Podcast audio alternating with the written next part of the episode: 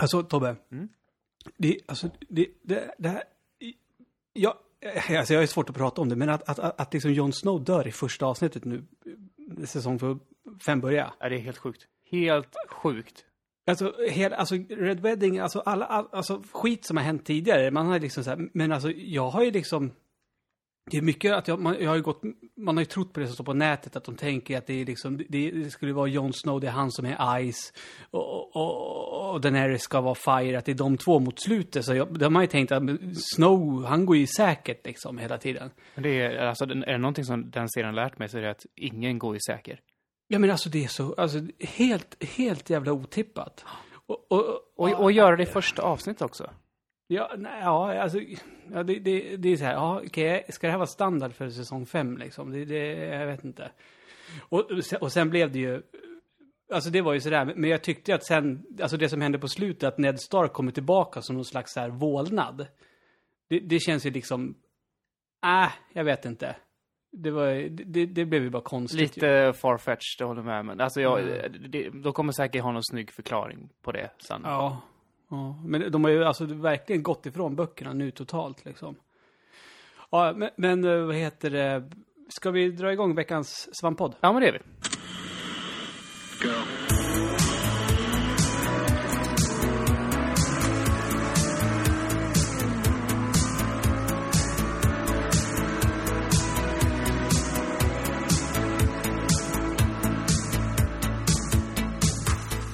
Då är det tisdag än en gång. Eh, det verkar som att alla veckor har en tisdag. Eh, Svamppodd, Sveriges, eh, enligt mig i alla fall, bästa podcast om tv-spel är här igen. Eh, och eh, jag som sitter här och leder det här spektaklet är Ludde Lundblad.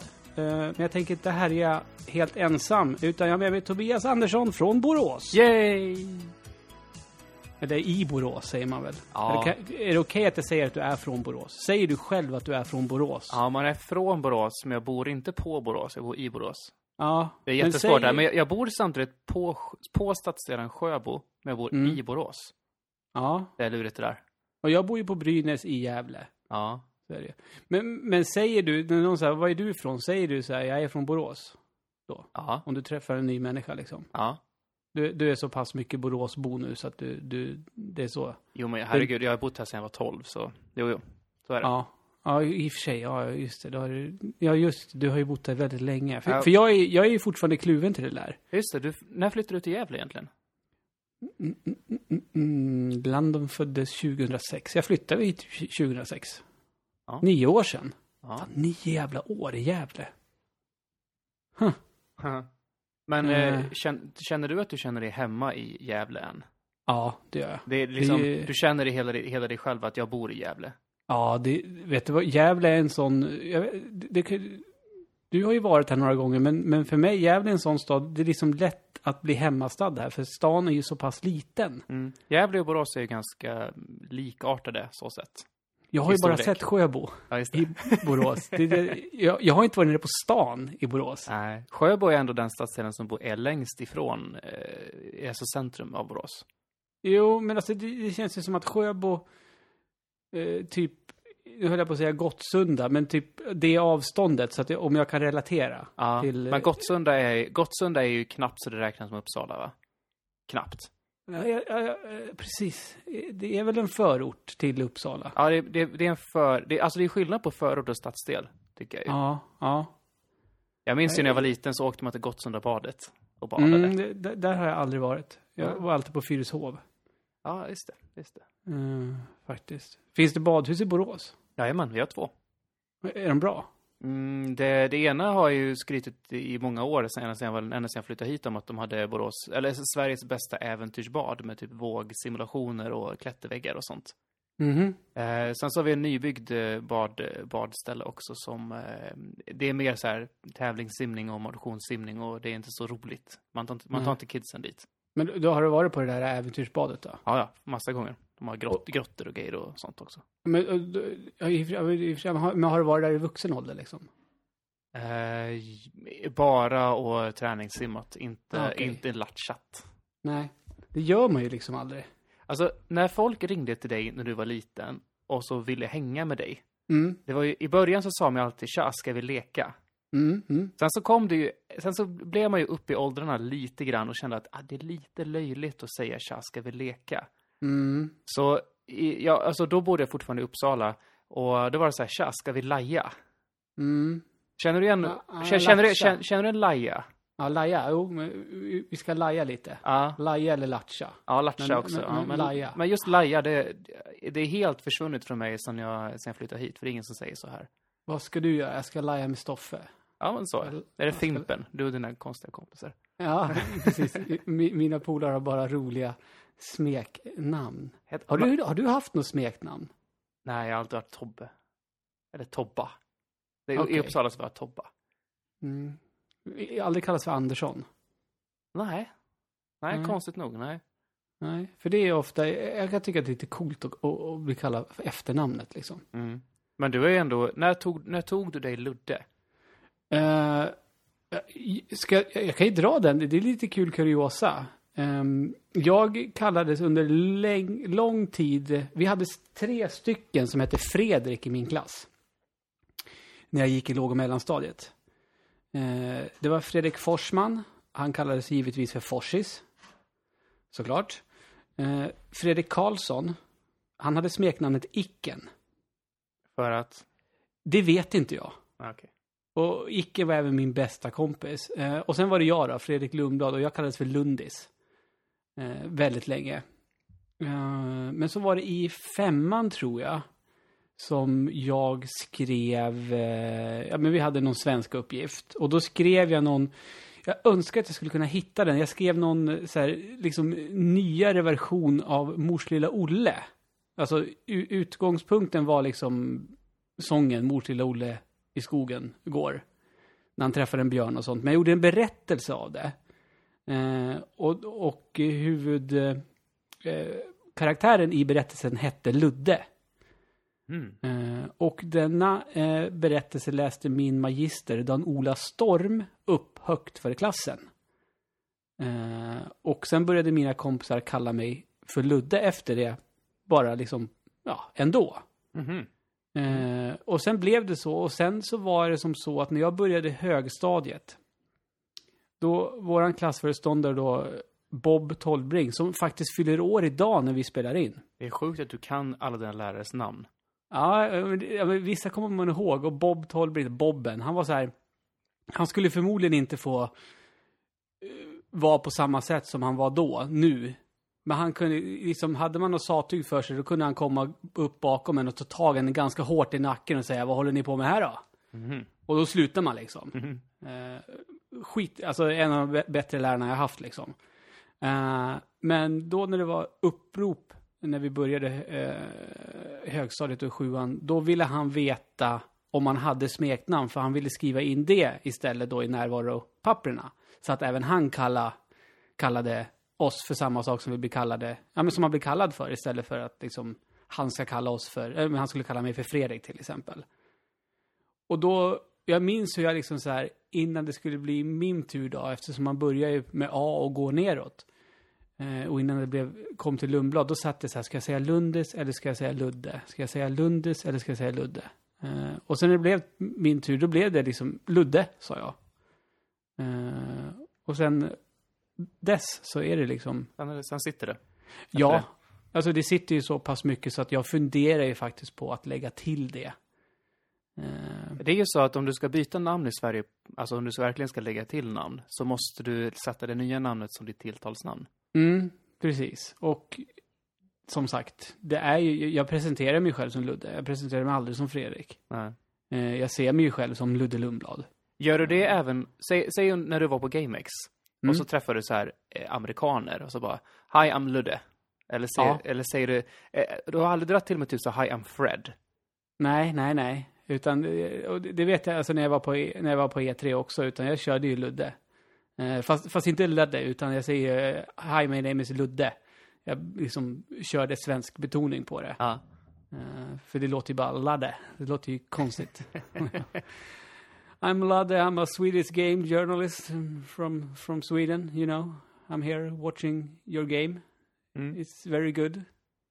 Can I have some free stuff? Typ som man rullar. du, Ja? eh, det var lite, lite intressant att du, att du segwayar. Nej, hur var det man skulle säga? Ja, just det. Vi hade, ju, vi hade lite skola här innan. Där. Jag, jag har ju fått lära mig i veckan här att, att det heter ju inte segway. Nej. Eller det, det, det uttalas segway. Ungefär som, som den här eh, grejen som typ äldre rika män åker på. Mm. Som, som, som Fred i Solsidan, Fredrik. Visst har du åkt på sån? Jag har inte det! Va? Det ju- känns som en typisk grej att Tobbe har testat. Eller att Tobbe Ja, har det- en sån i garderoben. Jag vill ju så gärna åka på en sån. Jag måste hyra Mm. en sån någon gång och åka runt i. har du sett att det finns de nu, vad heter de då? Monowheel? Ja, är det bara en eller? Ja. Ja, det är häftigt. Ja. Det, alltså tekniken där är ju skithäftig. Mm. Eh, jo, det, alltså egentligen, segway, när man, när man menar när man, när man går över från en, eh, en grej till en annan när man pratar, i, kommer från franskan och stavas E S-E-G-U-E. Mm. Och uttalas då? Likadant, segway. Ja, det uttalas likadant. Ja, Mm. det, är därför det, det är därför så många som, alltså jag också liksom har inte hade fattat att det var två olika saker. Vet du Mm. vad det var som lärde mig det här? Nej. The Order 1886. Jag körde det med subtitles på. Och så stavar de det så, och jag bara, vad fan, det var konstigt. Och så, du, och, det här är ju felstavat. Ja, men, och, och, men alltså, jag är ju sån, så direkt när någonting, någonting som jag känner, alltså, som, som jag inte förstår eller som är så här, så bara paus, googla och så bara, aha, ja. och så lärde jag mig det. Men, men det, det du gjorde här då innan, det, det var att du segwayade över, för vi började liksom, vi började faktiskt prata lite, någonting som kan liknas vid, vid något spelrelaterat, när vi nämnde två olika spelmässor. Mm. Eh, och det är passande då, då, för då kan vi lätt glida över till vad vi har spelat den här veckan.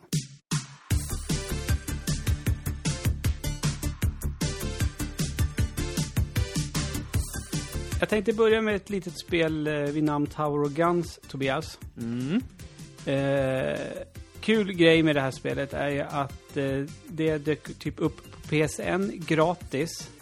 Ja, det, här är det här är ju en rolig story, för att du, i vår interna chatt så kom det ju nästan ett litet skryt sådär, om att aha, nu har jag en ny kod nu som jag ska testa ikväll, vad skönt det här ska bli, ja, Tower of Guns här. Så kom vi andra bara, hallå, det kom igår gratis på PSN. Ja, jag fick, jag fick kod för det till Xbox One och hade embargo på det fram till i, i fredags. Eh, men då hade det liksom funnits fritt att ladda hem på PSN sen i onsdags. Alltså det är, Det- det, det, är ungefär som, det som Nintendo håller på med, med, med Kirby. Ja, precis. Där Mm. spelet släpptes ett år före det nu släpps då i, i Europa. Ja, jag, jag får ju inte prata om det förrän den 17. Men ni andra som vill veta någonting om det, det, eh, det Youtube är översvämmat av det. Ja, så att, eh, det, det, ibland är det väldigt, är det märkligt eh, när det kommer till sånt där. Och, och, och det ordet passar även in på, på det här spelet, Tower of Guns. Eh, det finns redan nu på YouTube, ligger den redan, en quick tit på det här spelet och det kommer upp idag på svampriket.se också. Eh, det är ett FPS eh, Bullet Hell. Ish. Det är en Eh. konstig kombo, kan man tycka. Ja, alltså. Man befinner sig i ett torn. Och i det här tornet finns det, Guns. ja, som skjuter projektiler mot dig. Massor med projektiler. Och du ska undvika dessa och ta dig vidare från rum till rum. Du, du, du går in i ett rum, du ska hitta vad dörren är så att du kommer till nästa rum. Och sen efter några rum så möter du en boss som givetvis är en stor kanon som skjuter också sjukt mycket projektiler mot dig. Det är bara, Ska- det är, det är bara kanonfiender här, va? Ja, det är det. Eh, och det finns en uppsjö olika saker de skjuter mot dig. Ehm, och du, du ska liksom försöka ta dig upp så många levlar som möjligt. Och när du dör, då får du börja om igen. Eh, men då har de ju gjort som så att det är ju, då är det ju, det är alltid samma rum man startar i. Eh, men sen när du går ut därifrån så är det alltid olika slags rum du kommer till. Ja, för visst är det så att det här är ett roguelike om man säger, så det är ju är eh, slumpade banor. Ja. Alltså rummen du går in i är slumpade. Precis, och det är så att ju mer du spelar så låser du upp mera eh, abilities och eh, andra vapen och sånt där också som gör ju att eh, det blir... Alltså, jag, jag vet inte, jag tror inte att man kan... Alltså du väljer vilket vapen du vill ha och sen är du liksom fast med det tills du väljer att gå ut till menyn igen och så börja om och välja ett annat vapen. Det är inte så Startar, att det... startar spelet om då? Ja, det gör det. För, alltså, det. men, men det finns ett mål, eller är det bara high score-jakt? Nej, alltså det finns ju olika modes. Alltså det finns en som är story mode och sen finns det en som bara är liksom bara, bara kötta på liksom så, och se hur länge man typ kan överleva. Men det finns ju en liten berättelse där också. Det, det, det är inte så att det är en berättarröst utan det kommer upp text där det står liksom typ varför man är där. Mm. Eh, som sagt, det är mycket, mycket, mycket märkligt. Eh, jag, dock har jag spelat det, jag har spelat det mer än vad jag trodde att jag skulle göra. Efter min första runda så tänkte jag, vad i helvete är det här? Men så har jag ju spelat lite me- mer och mer och det... Hade det varit bättre gameplay så hade det varit ett helt okej spel. Men är inte Eh, gameplayet bra alltså? Nej, alltså... För det känns som att det här spelet, som- jag vet också lanserats som ett lunch break FPS. Det, Mm. det, det, tar inte så lång tid att spela en runda och sådär. Nej, så, är det ju. Då känns det som att, alltså den USPen här, alltså den, den, den riktiga säljpitchen är ju att det måste vara ett bra gameplay. Ja, saken är den att kontrollen är ju, alltså det, det känns som att man springer i gröt. Och det är som sagt ett bullet hell, det är jättemycket saker som flyger emot dig som du ska undvika. Eh, och är, känner, är, känner du dig långsam så underlättar inte det direkt. Men sen är det här problemet att det är i FPS också. Eh, för, för jag menar, standard bullet hell är ju ofta 2D. Eh, och du ser hela skärmen och du ser var, vart all skit kommer ifrån. Det gäller bara att du är snabb nog att undvika det. Men när man spelar i FPS, det är inte så att man liksom har ögon i nacken då. Så Nej. du kan inte se vad som finns bakom dig. Och ofta när man går in i ett rum så är det så här, så ser man att det är skitmycket kanoner framför en och de skjuter mot en och man undviker dem. Men då är det ju en kanon som står vid sidan som man liksom inte har hunnit eh, sett den. Som sätter kulor i, i skallen på dig. Och det känns ju lite cheap. Det känns som att spelet ger mig liksom ibland ingen chans. För det, det, det är inte ett lätt spel. Alltså en bullet hell för mig handlar ju om att dodga skott. Ja. Det, det, det är ju vad det handlar om. Och, och alltså, vi alla som har spelat FPS och typ Call of Duty online och sånt vet ju hur kul det är att få skott i ryggen. Inte alls. Nej, det, det uppskattar man ju inte. och, och det, ja, alltså, det är så svårt eh, att ge det. Jag, jag tror att min quicktip ger en relativt eh, bra bild om vad det är för ett slags spel det här. Dör du ofta i det här? Eh, ja, jag har som sagt efter, efter några visst antal rum, och det är alltid olika antal rum också, så möter man ju, kommer man till en boss. Och jag har som mest eh, tagit fyra stycken bossar. Eh, gått upp fyra, alltså till level fyra då så att säga. Eh, Så jag vet ju inte, jag vet ju, eftersom det är, finns en, en liten story så finns det väl något slags slut där också. Um, och, och jag, jag har väl spenderat i alla fall en två timmar med det här spelet och vissa rum har jag ju liksom, kan jag ju nu. Eh, eftersom jag spelar så kommer jag in, då vet jag exakt var jag ska gå för jag vet var den dörren är någonstans. Aha, så det som är random är i vilken ordning rummen kommer i? Ja. Så rummen i sig är i princip förbestämda? Ja, för, för, fast grejen är den att jag har ju, jag har ju fortfarande under de här två timmarna så har det liksom, har det ju kommit, alltså när jag går upp i level och sånt, då kommer det ju rum som jag aldrig har sett tidigare. Men om vi säger, alltså första, första rundan så att säga, innan första bossen. De rummen kan jag ju nu, utan och innan, känns det ju som.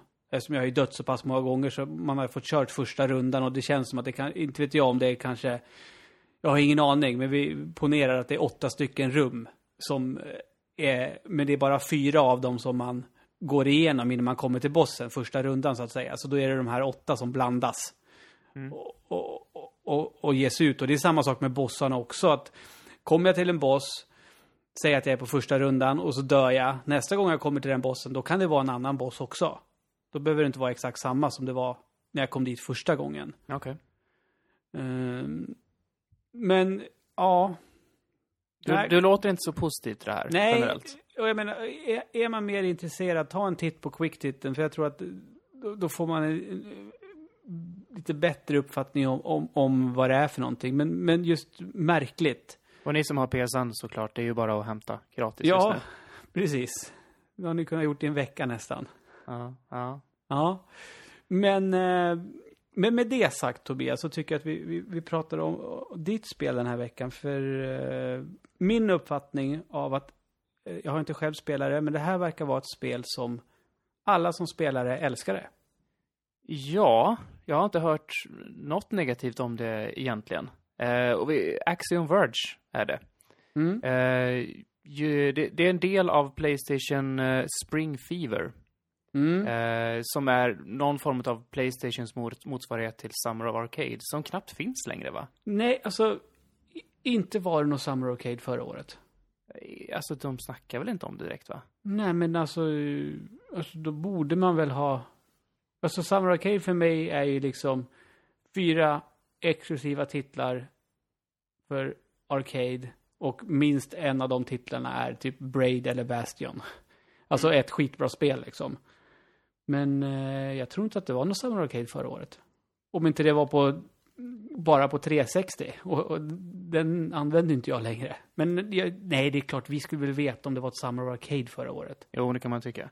Ja. Eh, Sp- Playstation Spring Fever eh, det här året har ju kört ett indiespel i veckan och under, under releaseveckan så är det 10% billigare om man har PS Plus. Hur många veckor har det pågått nu då? Eh, det är väl uppe i sjätte veckan nu tror jag och det ska vara åtta då som sagt. Eh, men alltså om man kollar på line-upen som har varit där så de började med Helldivers i, eh, i början på mars.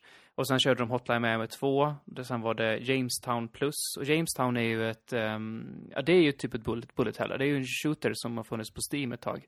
Eh, riktigt roligt. Man kan köra co-op och sånt. Skitkul. Eh, Metal Slug 3. Eh, Axiom Verge då, som vi pratar om nu. Eh, sen har Bastion också hunnit komma, komma nu. Och den här veckan, eh, 14. Eh, ja, det blir väl, eh, ja det blir idag. Ja, så, släpps, det. så släpps Titan Souls. Som, jag Okej. inte, som jag inte har någon riktig koll på. Men jag Det, har det är väl en blandning av Dark Souls och Titanfall tror jag. Kanske. Ja. Eh, Ett skitsvårt FPS med stora mech-robotar. Coolt det låter. Det vill jag ha. Ja, ja, faktiskt. Det lät lite ballt. Eh, och till slut så har vi Shovel Knight som äntligen kommer till PS4. Det har jag, det har jag längtat efter. Jag har velat spela det ända sedan. Jag kunde inte spela, alltså kunde och kunde, jag kunde ju spela det på PC men, men eh, inför Gotin där. Men Mm. eh, jag skulle ha velat spela det inför Gotin för det, det kändes Mm. som att det var en, en, en titel som skulle in där. Eh, lite exklusivt för PS4 nu och även för Xbox One är att du är, är ju lite egna gubbar. Kratos är på eh, PS4 och på Xbox One är det, minns du? Nej, men alltså borde det inte vara Master Chief, men det kanske inte är. Nej, det är inte det. Det är någonting annat. Nej, jag minns inte. Ja. Eh, men det är, en, det är någon, någonting exklusivt där. Lite grann som när, ehm, när eh, Soul Calibur 2 kom. Och Link. Link fanns till GameCube och Spawn till Xbox och det. Heihachi till PS. Och sen fanns Darth Vader till eh, Playstation och Yoda till Xbox. Ja, det var trean eller fyran tror jag. Ja, de körde jo, den. precis. Men de alltid något sånt. Ja, Det är lite konstigt. Tycker jag. men lite tufft, tycker jag Ja, ändå. Okej, ja, kanske. Eh, Ja, men det, det var mest för att jag hade Xbox och i, i, i, ingen PS3 och hellre ville ha Darth Vader än Yoda kanske. Ja, okej. Ja. Eh, Ja. A- Axiom Verge i alla fall är ju en, eh, en titel utvecklad av en ensam stackars tysk som heter Thomas Hall. Han eh, hoppade av EA, han var Är, med är du säker, är, du- alltså, har du källa på att det är synd om den här tysken? det undrar jag. Men tänk dig att utveckla ett spel själv, vad jobbigt det måste vara. Ja, men, jag menar, är, det inte, är det inte hans val? Eller, eller, eller tänker du att den här tysken liksom så här, han liksom så här, eh, nu, nu, nu, nu skulle jag försöka säga, jag kan inte prata tyska, men han liksom så här, eh, ringer runt till sina kompisar, snälla, kan inte ni vara med och utveckla ett spel? Och de bara, nej. Du får göra det själv. Ja, Han var ja, ja. okej. Nej, han har ju utvecklat lite Metroid, eh, typ så här fanspel och sånt. Han gjorde någonting till Game Boy Advance eh, som hette, Korn eller något sånt där. Så, som kom på, på kassett och sånt? då, Orn, alltså. Orn hette det till och med. Eh, lite osäker faktiskt hur, Ja. det, hur det gavs ut. I, I alla fall, han har varit med och utvecklat typ Tiger Woods sådana spel, så han har hoppat av en, en ordentlig studio för att Ja. göra det han, det han brinner för, och det är all cred Okej. för det. Eh, och det Man här, vill ju veta vad den ensamma tysken gjorde under, vad det var han styrde med på Tiger Woods-spelen. vad har vi i Tiger Woods-spelen som liknar Metroid? han kanske jobbade med typ klubb... Bollarna. Klubb, Bollarna. Klubbfysik. Nej, bollarna såklart. Bollarna, okej, okej, Ja. bollarna. Mm. Du, okej, du, hej, hej Thomas, du är ansvarig för bollar i det här spelet. Ja. Han bara, men det passar ju perfekt för jag gillar ju Metroid och Samus kan bli en boll. Där har du det. Ja. Ja, ja. Mm. Eh, jo, men han, han gillar ju Metroid. Det, det, är ju, det, är ju, det, skri, det här spelet skriker verkligen Metroid. Och, Mm. och den grafiska stilen skulle jag nog känna som ett typ så här 12-bitars spel. Det är inte riktigt Nintendo 8-bitars och det är inte, det är inte Super Metroid. Eh, det är Skriker det. Metroid eller skriker det Metroidvania? Det skriker Metroid. Eh, Ja. det, det är ju ett Metroidvania, så att du, du landar på eh, den här planeten, vi ska prata lite story sen. Eh, men du har ju ingenting. Du hittar ju ett vapen och sen så hittar du till vapen och så hittar du en massa power-ups och så fortsätter det så. Och sen, kommer, du- sen kanske du kommer fram till en hög vägg och så bara, nej, här kan jag inte hoppa upp, men jag ser att det är en ingång där uppe. Aha, när jag, när jag får typ high jump boots så kan jag gå tillbaka hit. Men du måste hjälpa mig nu och, och reda ut begreppen här, Tobias. Mm. Jag är ju väl bekant med Metroid och jag är väl bekant med Castlevania. Frågan är vilket Castlevania du är bekant med. Ja, det är det som är grejen, för att vilket Castlevania var det som blev som Metroid? Symphony of the Night. Det är så, okej. Ja. är... För, före, dess, då- så, före dess så var ju, var ju Castlevania actionspel i ettan. Tvåan Ja. blev lite mer typ Zelda 2-ish. Eh, alltså Mm, äventyrsspel. Fast konstigt. Eh, A Cursed Night has, a, has uh, happened och grejer. Ja. Sitt och huka här vid bergväggen i tre minuter så ska du se att det händer något. ja, sånt Alltså, där också. Ja. Ehm, och gå, gå i slott och eh, det enda du, du vet att det är typ så här block som du kommer ramla igenom och dö. Och enda sättet att veta det är att typ så här tok-spamma den här holy, holy Mm. vatten och sånt för att se vad det var. Ja, Ja. massa konstig design på slutet i det spelet. Det finns för övrigt en typ så här fan hemmasnickrad eh, egen version på tvåan, alltså typ så här romhack. Som, fa- är uppstyrd då, eller? Ja, som är uppstyrd. De har fixat typ så här, de, de störst, den största kritiken mot spelet. Och, eh, till exempel så tar det inte sju år för, för en textdialog att visa att nu är det natt. Ja, men, Nej, nej, till okej. exempel. Ja, det är mycket grejer de har fixat i det. Mm. Eh, Anyway, så, eh, och, så ju, både trean och fyran är ju mer rena actionspel i stil med ettan. Men i Mm. Symphony of the Night, det som kom till PS1, så gick, gick de ju en helt annan väg och gjorde det till ett mer ett, ett Metroid-liknande spel. Men varför säger man då Metroidvania egentligen? Borde man inte säga att det är ett Metroid-spel? Metroid-aktigt spel? Jo, det, det, det, det är ju helt sant. Det var ett Metroid, Metroid eller säga, Castlevania efter Symphony of the Night. I och med att Symphony of the Night blev så, blev så bra och blev så erkänt bra så, Mm. så, så blev ju alla Castlevania-spel efter det, framförallt till, bärbart då, blev ju den här typen av spel. Skulle du säga att Symphony of the Night är det bästa Castlevania-spelet? Ja. Mm. Tätt följt av Super, Super Castlevania 4. Ja. Som inte är den typen av spel, men som är skitbra ändå. Mm, mm. Mm. Men då har vi, eh, då, då är vi på det klara med det där i alla fall. Så då, Ja, ja då precis. förstår jag. Precis. Så att, Mm. eh, men varför det här är mer likt Metroid än Castlevania är för att miljöerna är, känns verkligen som Metroid, det första Metroid. Mm. Och musiken är så här ödslig men ändå så här eh, 80-tals syntdrivande men ändå, ja, som sagt ödslig nog så man får den här känslan av att man är helt ensam på en främmande planet där man inte förstår Tyckte någonting du egentligen. att första Metroid var läskigt? Ja, det var läskigt på sina håll. Mm, Det var jag, det. Det, och jag tyckte Kid Icarus också var läskigt. Och jag kommer på varför, tror jag. För att det finns, eh, dels finns det helt tokiga eh, damer när man får syn på en som får typ tokryck och kastar sina barn på sig. Mm. Och dels finns det äggplantsmän som är skitfarliga. Mm, men sen är det det här att det är så svart. Det är jätteofta så mycket svart i både Metroid och Kid Icarus. Ja, att det, är, det är plattformar man går på, men sen är det bara, det är bara mörker. Mm. Bakgrunden är bara mörk och svart Det har jag inte ens tänkt på. Eller ja, det, det, jag har ju tänkt på att det ser ut som, jag har inte tänkt på att det är ju faktiskt bidragande till att det är Mm. så tryckande stämning. Det, det, är ju- det är ju ren så här, Nessen orkade inte rita upp bakgrund. Nej, men det, blir, det funkar ju skitbra. Och speciellt, alltså, i synnerhet då i första Metroid som faktiskt... Alltså det var, undrar om inte det var det första läskiga spelet man spelade. Som ty, man tyckte var lite eh, obehagligt liksom. Även fast man kanske inte fattade på samma sätt. Ja visst, för även om typ Donkey Kong också har svart bakgrund så är inte det läskigt. Nej, precis. Så är det ju. Mm. Och just, just grejen i Metroid är alltså när man går djupare och djupare och djupare ner. Jag minns till exempel alltså, alltså Crades, eh, när man ska in i Crades Mm. Eh, det är ju första, första riktiga bossen ju Crades Lair då. Mm. Eh, och när man går djupare och djupare ner och så den, Mm. den musiken, alltså det är tryckande och tryckande. Och man vet ju att dör jag så får jag bör- börja om långt, långt, långt där uppe. Mm. Eh, så så det, det blir den här även på riktigt rädslan för att jag vill verkligen inte dö och det förstärker ju spelets, den här tryckande rädslan. Mm. Mm. Precis. Och den återfinner vi även i, i Axiom Verge då. Inte just, inte just den typen av rädsla, för att dör du här så får du återspåna i typ save-ägg. Det är ju motsvarande save-rummen i Super Metroid. Eh, men skillnaden här är att du sparar din progress, så att den kartan du utforskade, de saker du har hittat, får du fortfarande ha kvar. Det är bara att du slungas tillbaka till och får börja där, i, i det save-rummet igen då. Det- Och är, är de eh, långt, alltså kan det vara att man, att man börjar långt borta då? För, för att jag, eh, jag kommer nu dra paralleller med Ori and the Blind Forest som jag sitter och, och spelar för tillfället. Som det har pratats gott om här i podden. Mm. Eh, och där, är det så, där bestämmer man ju själv vad man ska spara. Eh, fast man kan inte spara precis när man vill, utan man har liksom själar typ som man kan använda. Att nu kan jag göra en sparpunkt här om jag vill.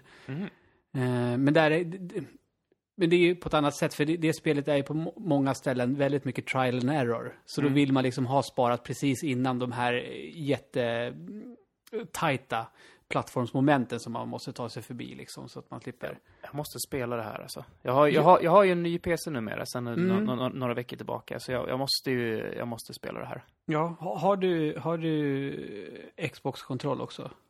Nej, du- men jag har, jag har en blåtands, jag har blåtand på moderkortet så att jag kan koppla in min PS4-kontroll. Okej, då så. Ja, precis. Så du slipper sitta och spela det med mus och tangentbord, Mhm. Tänkte jag. Det är lite spännande det här också när man ska koppla in sin PS4-kontroll på en PC. Mm. Så, eh, så alltså Windows, Windows har ju inbyggt stöd för Xbox-kontroller. Mm. Det är bara plugga in, plugga in och så funkar de. Så att Ja. för, att, för att få en PS4-kontroll att funka så kör man ett, ett program som typ gör att datorn luras till att det är en Xbox-kontroll man har inpluggad. Mm. Så, eh, så funkar det jättebra sen. Okej. Nio gånger av tio i alla fall. Ja, nej då, det funkar fint. Även Okej. trådlöst och sådär också. Mm. Input, input mapper kan ni kolla efter om ni som är intresserade. Mm. Ska vi försöka återkoppla till spelet vi pratar om? Ja, såklart. Eh, nej, du frågade om savepunkter, om det är långt Mm. emellan. Det är, nej, det är inte jättelångt emellan. Så det är aldrig någon direkt fara när man dör. Och inför bossar och sånt så finns det alltid ett saverum innan. Okej, är, är det till och med så pass uppenbart att man vet att okej, det här är save-rummet innan boss? Jag tror till och med det är så att dörren in till en boss är röd.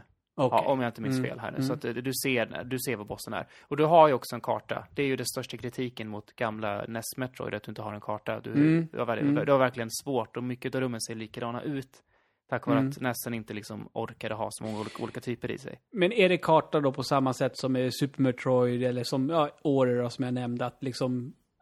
Det är små fyrkanter som fylls i helt enkelt. Ja, okej. Ja, ja, men är det så att när- när du har varit på ett område då finns det på kartan sen? Ja, Ja, det. Det är inte så att du har kartan först och liksom, och där har inte jag varit utan Nej. det Nej. handlar om att man ska utforska och upp och man ser att men där verkar det som att jag kan gå. Ja. Och så går man dit och så förmodligen är det en återvändsgränd för man behöver ha någon annan förmåga för att ja, komma men, vidare. Ja, men så är det. Alltså spela sådana här spel är ju att man springer fram, hittar typ, som jag sa innan, en hög avsats. Och, Mm. och så får man memorera det, att här behöver jag high jump boots, eller no, någon motsvarighet. Man, alltså, när man har spelat de här spelen ett, ett par gånger så vet man ju ungefär vilken typ av färdigheter man kommer få. Jo, men- ja, men det är ju så. För jag menar, det- som sagt, jag kommer dra på det här ett år nu och jag har ju liksom inte suttit och pratat om det här i podden heller. Men det var ju så här, man bara okej, här, här kommer jag behöva ha dubbelhopp. Mm. Och sen så bara, fan undrar om det kommer finnas trippelhopp i det här spelet. Liksom, alltså, Mm. det, det, man gillar det. För, för det, det är en sån sak som ger en en liten morot. Man Mm. vet att man kommer bli mer och mer badass. Mm, verkligen, verkligen. Eh, och det, det är ju också för de som, jag vet ju Peter till exempel har ju svurit lite grann över det här spelet. Det är ju det är också den här ty typen av spels nackdel att kör du fast och inte vet vart du ska så kan spelet vara otroligt oförlåtande. Mm. Det, för att eh, det är ju där Super Metroid är så, är så fantastiskt bra designat för att du kör oftast inte fast. Och du behöver inte fast travel mellan olika platser för att det är så snyggt designat. Men, men kör du fast och inte vet vad du ska göra, då kan du behöva gå igenom vartenda rum och leta efter någonting som du kan använda. Men det var ju det som hände mig när, jag har ju, jag och eh, Svamprikets hangaround, vi, vi gav ju, gav ju sig på Super Metroid och skulle klara av det tillsammans. Men vi körde ju fast. Eh, någonstans efter Crade. Mm. Sen så körde vi så fast och fattade inte vad vi ska. Och, vi tyckte, och man tycker att man, är, att man går och tittar precis överallt. Eh, sen blev det inget mer med det. Nej. Ja, man lär sig lite, alltså när man har spelat ett par stycken sådana spel så lär man sig, man får, man får ögon för dem man säger. Som att det där ser lurigt ut, det där skulle kunna gå om jag hade den här och sånt och ja. Men är man, är man helt färsk in i det, och du, du har väl inte spelat jättemånga sådana här spel förut antar jag? Nej, nej, nej, utan det är ju, alltså innan Super Metroid så var det ju Metroid. Ja. ja som jag hade spelat liksom. Ja. Ja, jag, kan- jag kan verkligen förstå frustrationen som kommer där. Men det är samtidigt, samtidigt lite tjusningen också i det. Men det här, alltså en annan nackdel med det här spelet är ju att det är ju inte lika snyggt som Super Metroid. Det är ju skapat av en person och all heder till det. Men det har ju inte samma budget. Det, det är ju inte lika snyggt. Så att världarna och fienderna och liknande blir inte lika minnesvärda, skulle jag vilja säga. blir det också lite, alltså jag har knappt sett någonting alls av det här, men blir det liksom upprepande också? Det märks att han liksom, han har inte haft tid att göra 80 stycken olika fiender, utan det finns ett visst antal. Ja, men så är det ju. Så är det ju, så är det ju alla spel å andra sidan. Mm. Men, men nej, jag, jag tycker inte det är inte det stora problemet riktigt. Det är bara att det är inte riktigt lika gripande som, som, som eh, Metroid kan vara. Nej. Ehm, ja. ja. Men jag tycker ju om det. Mm. Det ska vi inte, det ska vi inte sticka under stol med. Jag har ju jättekul när jag spelar det och jag vill ju fortsätta spela det. Mm. Det är ju fantastiskt. Sen, så, sen så gör det ju en hel del nya grejer också. Eh, storyn i det här är ju att du är någon form av forskare så, som är likt Half-Life, ett experiment går fel. Och så Mm. vaknar du upp på ett helt annat ställe. Och eh, någon form av röst pratar med dig. Ganska tidigt i spelet så kommer du också fram till det som brukar vara så att säga, omslagsbilden till det här spelet. Ett stort ansikte som du möter. Som berättar då att eh, eh, de här varelserna, de här stora ansiktena, håller på att dö. Alla andra som har funnits på den här planeten har redan dött. Det har funnits massa människor. Av någon, stor, någon snubbe som kom förbi den här planeten som heter Athetos. Den här bossen, alltså den här elakingen. Eh, och han eh, hade ihjäl massa folk och konverterade dem till de här fienderna jag möter är ju människor som blivit förändrade då. Mm. Och här- den här, eh, vad det nu är som jag möter, vill att jag ska gå och eh, återställa en power, eh, powerfilter för att eh, hjälpa den att komma till liv igen. Och det gör jag lite senare i spelet och sen så vill den att jag ska gå och eh, starta upp lagningsrobotar som ska åka ut och eh, sätta igång och laga de här helt enkelt. Och jag, mö jag möter ett par stycken till sådana här stora ansikten varav ingen av dem kan prata tillbaka med mig, men den här första rösten pratar, pratar med mig då och då och berättar lite background story då. Mm. Eh, och den här planeten finns tydligen till för att stoppa The Breach. Och The Breach hittar jag lite här och var. Och det ser ut som när ett NES-spel glitchar. Som att den laddar fel sprites och liknande. Så det ser helt knas ut. Okej. Eh, och strax efter det så hittade jag också en, en, en um, och jag kommer inte ihåg vad vapnet hette nu, men det är i princip en glitchpistol som jag kan skjuta med. Och den här gör att jag kan uh, uh, rätta till glitchar jag ser i miljön. Eh, och då kan, kan det bli plattformar och det kan bli liksom hål så jag kan gå igenom och liknande och sådär. Jag kan även använda min glitchpistol på fiender och ändra så att de glitchar ur också. Eh, och det kan göra att till exempel fiender som är vandrande kanontorn som skjuter lång laser så fort de syn på mig eh, börjar istället skjuta efter fiender. Till exempel. Aha. Eller att stora fiender blir små. Eh, eller små fiender blir stora så att det blir större, lättare att träffa dem. Och, ja, men det är lite olika så som händer. Och det, det är spännande, tycker jag. Det, det ger en liten annan, annan dimension till det. Ja. Nej men alltså, men just det här, nu när du beskrev den här glitchpistolen, för jag kan inte, jag kan anta då att du har ju suttit och spelat det här och så har du stött på de här fienderna, sen när du får det där vapnet så bara, haha. Ja, men lite så. Lite Ja. så. Eh, och framförallt är det ju att jag har hittat rum där det ser helt knas ut. I början så fattade jag inte vad det var som hände där, utan jag gick in i det och så typ tog jag skada av det. Men nu Mm. kan jag bara skjuta det här vapnet på det och så förvandlas det till någonting som jag kan ta mig igenom istället. Hmm. Action Verge, A- action, action, action, Ax Axiom Verge. action Verge. Eh, ett spel som du, det, det låter som att du rekommenderar typ varenda en. Ja, har man minsta lilla intresse av, av Metroidvania liknande spel. Eh, Om, om, om, om vi säger så här då. Nu, liksom, o- o- om vi knyter ihop säcken och avslutar det här med, med en fråga till dig då Tobias. mm, Om det är en person där ute som inte har spelat något Metroidvania överhuvudtaget. Ska de ta det här eller ska de spela Super Metroid? Super Metroid. Vilken dag i veckan. Ja. Och det, jag får dra, dra en liten slut, eh, slutkläm på det här, så är det ju att jag och Anders spelade ju Super Metroid eh, som lördagsstream för typ en månad sedan. Mm, mm. Finns arkiverat på vår YouTube-kanal om ni vill se. Eh, och då sa jag det i streamen att fan, att det inte, att det inte görs fler sådana här spel. Och eh, att jag saknar verkligen den här typen. Vad hette det här Xbox-spelet som kom för ett tag sedan? Eller för Ja. ett par år sedan? Det, det enda jag minns ju är att uh, huvudpersonen har hatt. Så att Ja. ögonen inte syns. Och det fanns en kontrovers runt det spelet också. Shit, jag inte kommer ihåg vad det heter nu, men eh, det fanns en kontrovers där att det byggde ju på en bok. Och den bokens, eh, han som har skrivit boken var väl väldigt, eh, han hade konstiga åsikter. Jag kommer inte ihåg vad det var heller, men det, var, det, det fanns en kontrovers där i alla fall. Ja, det var någonting. Men även det spelet tror jag också var, var, tillverkat av en ensam stackare. Jag vet inte om han var tysk dock. Nej, Nej det, var väl, det var väl Epic som gjorde det. Typ emellan Gears of War-spelen va? Fast nu, nu pratar vi om två helt olika spel tror jag. Ska vi googla här eller? Nej. Nej. Så, så professionella är inte vi i Svamppodd. Skriv i kommentarerna istället. Vi har, Ja, vi har rätta eh, oss för i helvete. Axiom Verge största problem som gör att om tio år så kommer inte det här ligga på någons lister är att det kommer för alltid ligga i skuggan av Super Metroid. Ja. Och det är Mm. också dess största styrka för att Super Metroid är ett förbannat bra spel. Mm. Eh, men det kommer inte bli lika stort historiskt som det tack vare att Mm. det är för lite nyskapande jämfört med det. Tror du att vi redan nu kan säga att eh, en trend i år kommer att vara Metroidvania-spel? När vi redan nu har både Ori och eh, Action Verge. Äh, jag kan inte säga det.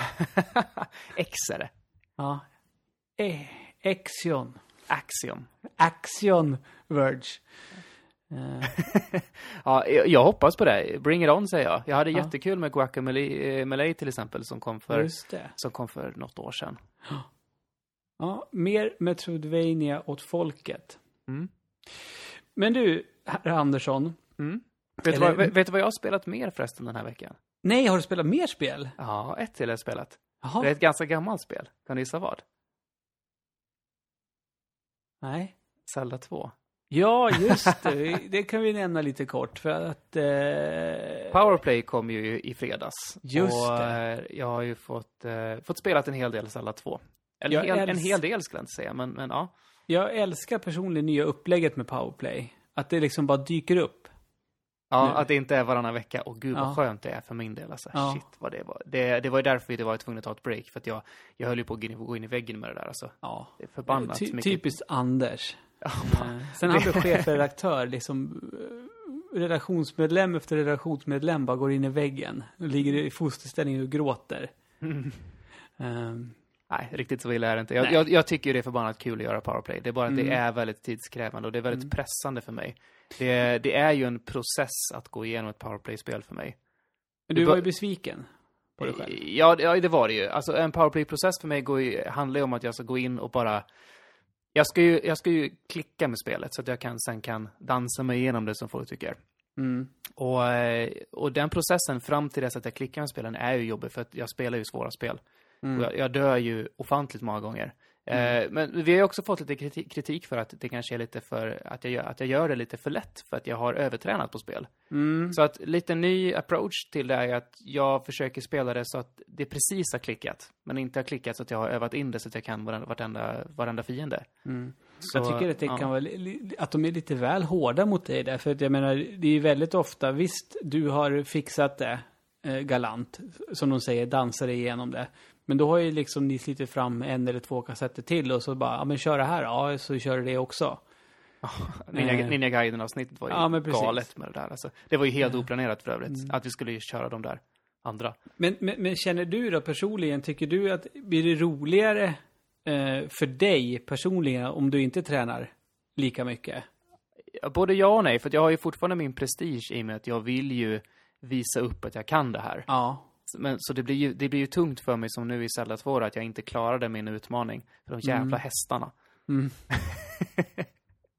Men samtidigt så vet jag ju sen typ Probotector-avsnittet att det blir ju bra tv när det går lite emot mig också. Ja. Eh, Mm. Så är det. Vad klockar det in på? Nästan tre timmar eller? Tre och en halv, typ. Okej.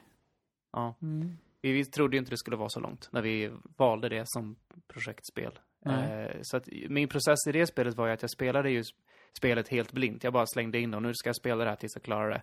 Eh, och det, det gjorde jag under två dagar. Eh, och sen när jag hade klarat det väl så, så tryckte jag direkt reset och sen så spelade jag igenom hela spelet i en sittning. Mm. Eh, tog lite mer än tre timmar. Och när jag var klar med det så ringde jag Anders och sa att nej, nu, nu kör vi. Mm.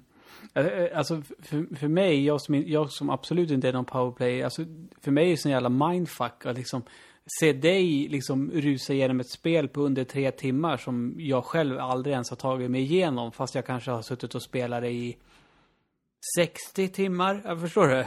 Har du spelat så mycket utav det alltså?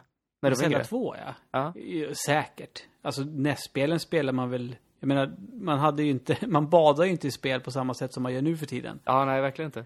Utan då hade man ju, jag, jag menar, ja du vet ju själv. Jag har ju liksom kommit till bana två i Trojan som bäst. Ja, just det. Och det spelet har jag spelat hur mycket som helst. För och, du, det, och, du, dör, och du, dör, du dör alltid på den bossen va? Han som Ja. kastar sin sköld. ja. Och så Ja. spelar man om det och så dör man och så spelar man om det. För att man liksom vet inte bättre. Och så skriker du lite att det är ett skitspel. Ja. Ja, det gjorde jag nog inte då. Jag var för dum för att inse det. Man in, på den tiden så insåg man ju inte, som du säger, att eh, spel var bra och inte bra. Det var bara Nej. spel. Ja, exakt. Det var ju verkligen så. Eh, de- De kunde vara roliga eller tråkiga. Jag Saknar man- du inte det lite grann? Att ha den approachen till spel. Idag så är vi så jävla dömande. Man dömer ju ett spel efter två sekunder liksom. Ja, man, jo, det gör man ju. Alltså, och jag har ju det, jag har ju det bekymret eh, hemma med, med min son. Eh, eftersom han, han är ju en sån sits att i stort sett allt han vill spela ramlar ju ner på, i brevlådan här hemma. Mm. Eh, så han har ju, han har ju i mitt tycke för mycket spel. Jag, För han det, jag, spelar ju hört, liksom aldrig färdigt något. jag har ju hört från dig att han har ramlat in på en retrospel lite grann. Eller? Eh, Ja, jo, jo men alltså, alltså det är alltså jätte...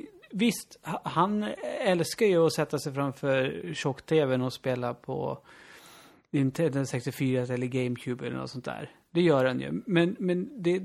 Och det blir jag jätteglad över, men jag menar, det var för någon vecka sedan, för det, jag tror det du tänker på är vad när jag la upp eh, bilder i våran interna eh, relationschatt vi har. Eh, när jag la upp bilder när han drog igång Super Mario 64. Mm, just det. Ehm, och han liksom, "Åh, pappa det här spelet, det ska jag klara av, säger han. Men så spelar han det liksom två eftermiddagar. Och sen så blir det något annat som, som han sitter och kör istället. Det är ju samma syndrom som, jag vet att jag och Niklas har pratat om förut. Det här när man piratade spel och hade alla spel i hela världen till Playstation. Precis. Det, det är ju där, jag har ju aldrig, jag har ju aldrig piratat spel enbart på grund av den, alltså mycket av den anledningen, för jag kände att då- skulle jag liksom inte ha spelat någonting, utan då skulle man bara testa allting och så säger man, ja ah, men det här har jag kört, det här har jag kört. Men så kanske man har spelat en halvtimme liksom på de här tio spelen bara. Mm. Ehm, för jag menar, det, det, som, jag menar, det som min son, alltså han spelar ju, alltså Minecraft är ju ett spel som han spelar jämt kan man ju säga. Mm. Och det har ju han på i stort sett på varenda jävla maskin här hemma känns det som. Visst är det så att Minecraft till konsol är inte lika, är inte lika mm, eh, så utvecklat som PC-versionen? Jag har ju ingen aning. Ja, jag har bara Eh. fått, en, fått en känslan att det är mer en konsolifierad version. Mm. Men jag, jag tror nog att han spenderar nog mer tid med Minecraft på sin iPhone än vad han gör på 360 Jaha. faktiskt. Kan man, Mm. spela, kan man spela med och mot varandra i det också? På den också? Ja, som jag har förstått det. Alltså jag, jag, kan ingenting om Minecraft. Och det är något, det, det får jag höra av sonen, att han tycker att jag är liksom värdelös för att jag kan ingenting. Nej, jag håller med. Jag trodde, jag trodde inte Mm. någon på vår redaktion som faktiskt har koll på Minecraft. Nej, det, det, där ligger vi, där ligger vi i lä, så Ja. att säga. Jaha. Men, men det är Minecraft och sen, sen så sitter jag nu och kör eh, Titanfall eller Halo online med polare. Det är väl liksom de, det är väl de tre spelen som liksom jag kan säga att det här är någonting han spenderar mycket tid med. Men spel som jag liksom tänker att men det här är väl kul, det här kan han ju liksom spela igenom nu och klara av. Eh, jag menar, jag har ju dragit igång, eh, vi var hos min syster i påsk. Eh, och han satt och körde Uncharted 2 då. Uh, på så här skitstor bild liksom. Uh, till och med jag satt med och spelade det liksom så här skithäftigt och han, så han lånade hem det av, av min syrras man. Och han bara, det här, nu ska jag, det här ska jag klara av nu. Jag tror han har spelat kanske två timmar sedan vi kom hem. Med det. Va, hur låter han om du försöker peppa honom då? Att, eh, kommer du ihåg det här du sa att du skulle klara av Mario 64 eller vad det var? Du ska Mm. inte sätta dig och köra? Ja, men då blir han ju sur. Och jag har ju liksom så här, jag kommer ihåg när jag köpte, eh, jo, eh, jag köpte, vi var, när vi köpte en Charter 3 gjorde vi. Och då sa jag till honom, ja, när du har klarat av det här, eh, då kan vi köpa tvåan sen. Han bara, ja, men nej. Så, alltså, Landon har ju klarat av nästan inga spel alls liksom. Men typ spelat allt. Eh, som finns. Jag menar, det är som, jag menar, Nej, nu, nu, gud, nu blir det så här, gud vilka ilandsproblem. Men eh, Disney Infinity 2.0 till exempel. Eh, vi har väl testat i stort sett varenda figur som har släppts till det. Men det är typ det vi gör. Vi testar gubbarna, sen så spelar han inte mer.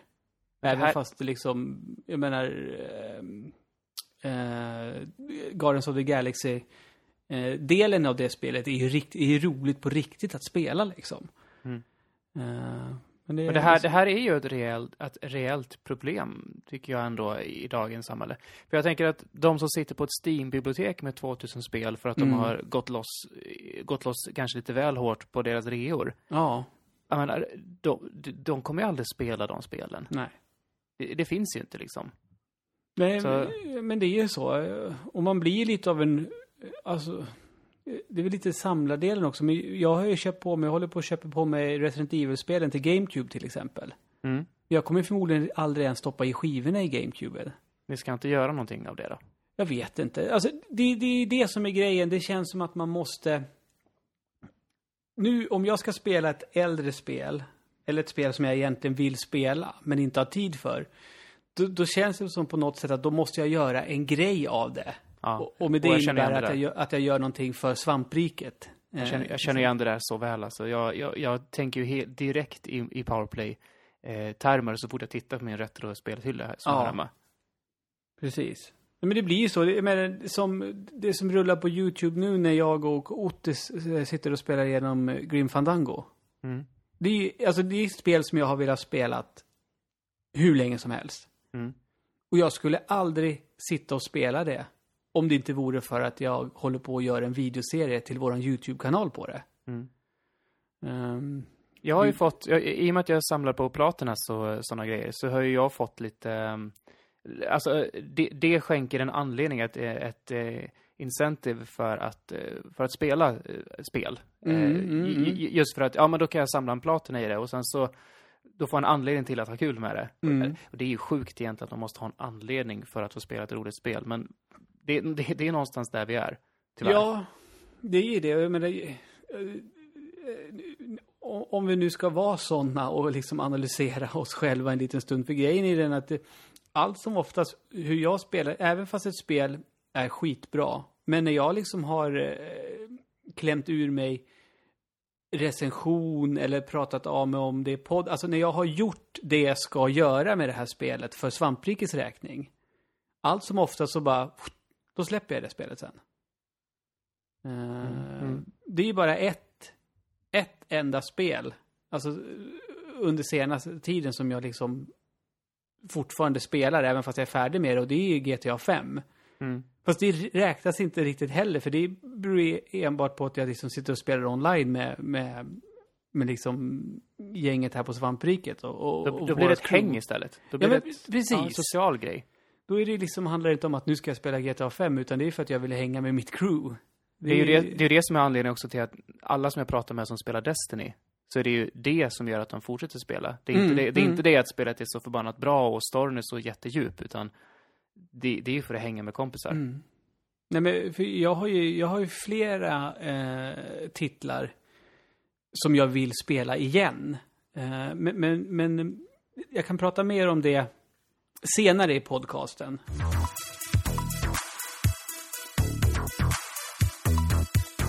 Lite nyheter då, Ludde. Ja, och, och jag tänkte börja med så här seriös journalistik. För vi har ju faktiskt två journalister på svampriket. Ja, varav, varav i alla fall den ena jobbar som det. Ja, precis. Sen har vi en, en som är utbildad. Men han som jobbar som riktig journalist, eh, Niklas Sintorn, han har pratat med en viss fröken Fanny Norgren som är med och anordnar ett LAN som heter Female Arena. Förkortas FAIR, fyndigt nog. Eh, men jag har inte så stor koll på det här så jag tycker att vi helt enkelt lämnar över till herr Sintorn. Tack så mycket för det Ludde. Och eh, med det säger vi hej till Fanny Norgren på Female Arena. Hej Fanny! Hej Niklas! Hur är läget med dig? Det är bra med mig idag. Solen skiner och det är fint. Ja, det är gött här nere i Malmö, är det inte det? Ja, det är verkligen. jo, anledningen till att vi pratar med dig är att du är ju med och anordnar LANet Female Arena, eller FEAR som Ja. det förkortas, Det stämmer. eh, här i Malmö nu i helgen. Kan du, eh, kan du berätta vad FEAR är för någonting? FEAR är ett LAN för alla som eh, identifierar sig som kvinna eller tjej och har hunnit fylla 16 år. Och vi träffas helt enkelt och spelar datorspel och tv-spel tillsammans på ett vanligt LAN. Härligt, och eh, ni ska ha ert andra LAN nu eh, till helgen va? Har du lite mer eh, praktisk info kring det? Ja, LANet kommer att ske på Stapeln i Malmö som ligger vid Stapelbäddsparken. Och det är på fredag kväll klockan sju till söndag klockan 12 på förmiddagen, eftermiddagen där.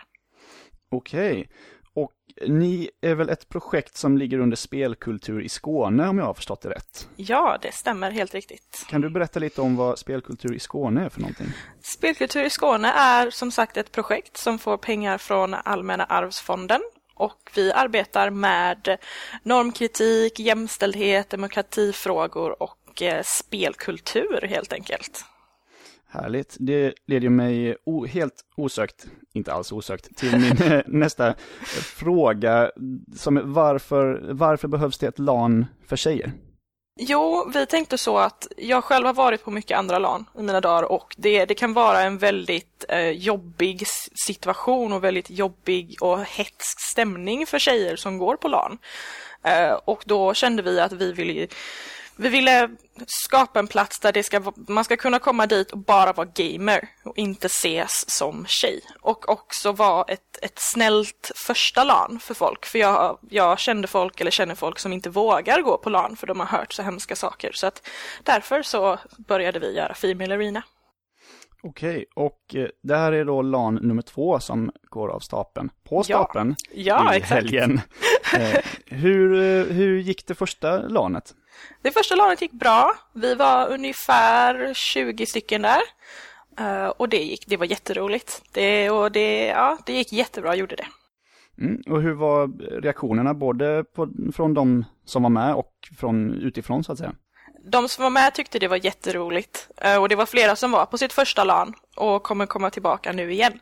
Sedan var det lite folk som reagerade som, som tyckte att det, ja, men det, ska det verkligen vara nödvändigt eller sådär. Men det, det var definitivt mest positiva reaktioner från alla. Kul att höra. Vad um, hamnade ni på för åldrar ungefär på, på de som var med?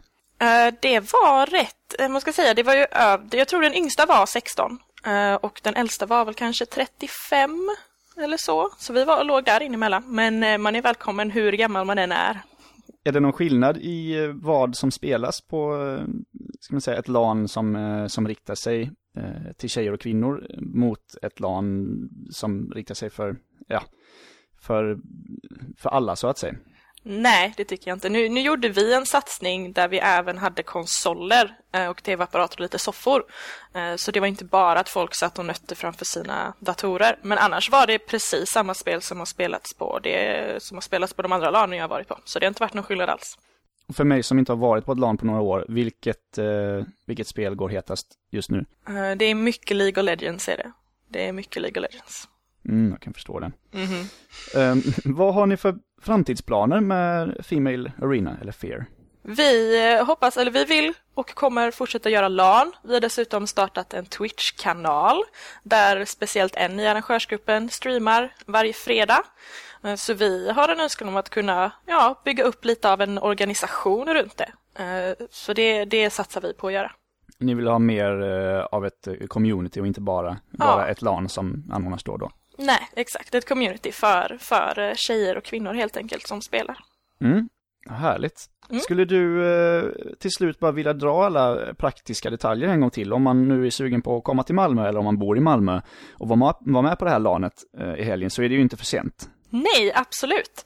Det, ni hittar oss jätteenkelt på Facebook. LANet sker på Stapeln i Malmö och det är den 17 till 19 april. Eh, Och det är väl det. Mm, och det är bara att gå in på eh, Facebook-sidan som vi länkar till i det här eh, avsnittets eh, info och så finns all information om hur man anmäler sig där va? Ja, det finns det. Där finns det länkar och så. Härligt. Och vad heter ni på Twitch om man skulle vilja följa er där på, med den här fredagsstreamen? Vi heter så mycket som twitch.tv slash. Är det någonting annat om Female Arena som, som, som vi kan ha missat att ta upp som du skulle vilja berätta eller, eller har vi täckt det mesta? Nej, vi har nog täckt det mesta. Det är, om någon vill vara med och eh, engagera sig och vara med så får ni jättegärna vara det. Eh, Så det är bara att höra av sig. Vad härligt. Då får jag tacka så jättemycket för det. Fanny Norgren på Female Arena som eh, anordnar LAN i Malmö i helgen. Ja, tack själv. Ha det så bra. Du med. Hej då. Hej. På tal om att eh, träffas och spela spel, Ja. så eh, finns det någonting som kallas för spelskapet. Mm. Eh, det är ju han Kava Solfagari som eh, går väl i spetsen för det. Mm. Känd vänsterspeltwittrare skulle jag väl nästan labla honom som. Mm. Vänsterspeltwittrare. Ja, det är hans label numera. Det känns Ha- som hashtag det. Vi, vi, vi känner ett gäng sådana känns det som. ett, ett par stycken. Ja. Eh, I alla fall, de har spelskapet. Eh, som egentligen är en livestream. Mm. Eh, Körde väl en vända förra året va, ifrån hans vardagsrum. ja, men precis. Precis. I år dock så ska de träffas på en lite större arena. Mm. Som... ja, nu skulle jag ju ha läst på här var någonstans det var. Men eh, det, de har en fin hemsida som heter spelskapet.se och 8 maj så kommer de samlas och, eh, och spela. Och det är väl ett gäng kända svenska spelprofiler som kommer finnas där Mm. eh, och spela. Och de kommer ha stor skärm och ehm, man kan komma dit och upp, uppleva det live eller så kan man se det hemma. Mm. Och eh, de gör ju detta likt eh, Awesome Games Done Quick, men eh, inte Quick då den här gången, utan det är mer de spelar, de spelar och har det trevligt eh, och samlar in pengar för eh, Kvinnojouren. kvinnojouren. Tack! Mm. Tack, jag försökte läsa till här. Mm. Eh, ja, men precis. Precis, så det är väldigt trevligt initiativ och jag vet att eh, i alla fall Peter och eh, Linus ska försöka tvinga sig in i den här streamen och, utmana folk på Towerfall. Ja, då- se då- om det lyckas. De har sagt det i alla fall, men vi vet att alla, både Peter och Linus kommer i alla fall gå dit och titta. Så Mm. är man i Stockholm eh, så kan man ju, om man inte är intresserad av att kolla på spelskapet-gänget, men man vill se Linus och Peter på riktigt, så kan man ju gå dit och titta på dem. Mm. Eh, båda två ser ju lite lustiga ut på olika sätt liksom. Så att, Mm. Kan man få sitt gott skratt kanske. Ja, precis. Ja. Eh, I 40 timmar kommer de, kommer de i alla fall hålla på att streama Mm. detta. Det var 24 timmar förra året om jag minns rätt. Mm. Så det har liksom blivit inte bara dubbelt så stort utan nästan dubbelt så länge också. Mm. Mm. Mm. Kul med sådana såna här initiativ, Faktiskt. Undrar om inte vi också ska göra det någon gång på Svampriket. Vi har väl pratat om det. Ja, det har vi. Mm. Eh, frågan är bara hur vi ska realisera det. Vi är utspridda. Ja, det är ju det. Eh, Jag vet, inte om vi... Har vi någon gång lyckats träffa allihopa? Var, var det den gången på GameX? Eh, för några år sedan. Alltså det befintliga svampriket. eh, då var vi ju så otroligt många som gjorde Ja, grejer på svampriket Ja, vi hade ju, vi hade de här, alltså säga, tredjeparts eh, eh, produktionerna som Revansch och, och Serietjejerna och eh, Spelfamiljen och sådär. Precis. Eh, jag- Då, då, ja, ja, då träffades vi nog allihopa. Ja, men den, den befintliga, den redaktionen vi har nu, då har vi väl aldrig setts allihopa? Nej, vi saknar ju Samtidigt. Sandra nu på Svamppodd 100 till Ja, exempel. precis. Så det, det, Ja, det är svårt. Det är Det är svårt det. när man är nio stycken och st- styr ihop sina liv alltså. Mm, men snart har vi vårt kontor. Mm. Eh, som vi även bor i allihopa.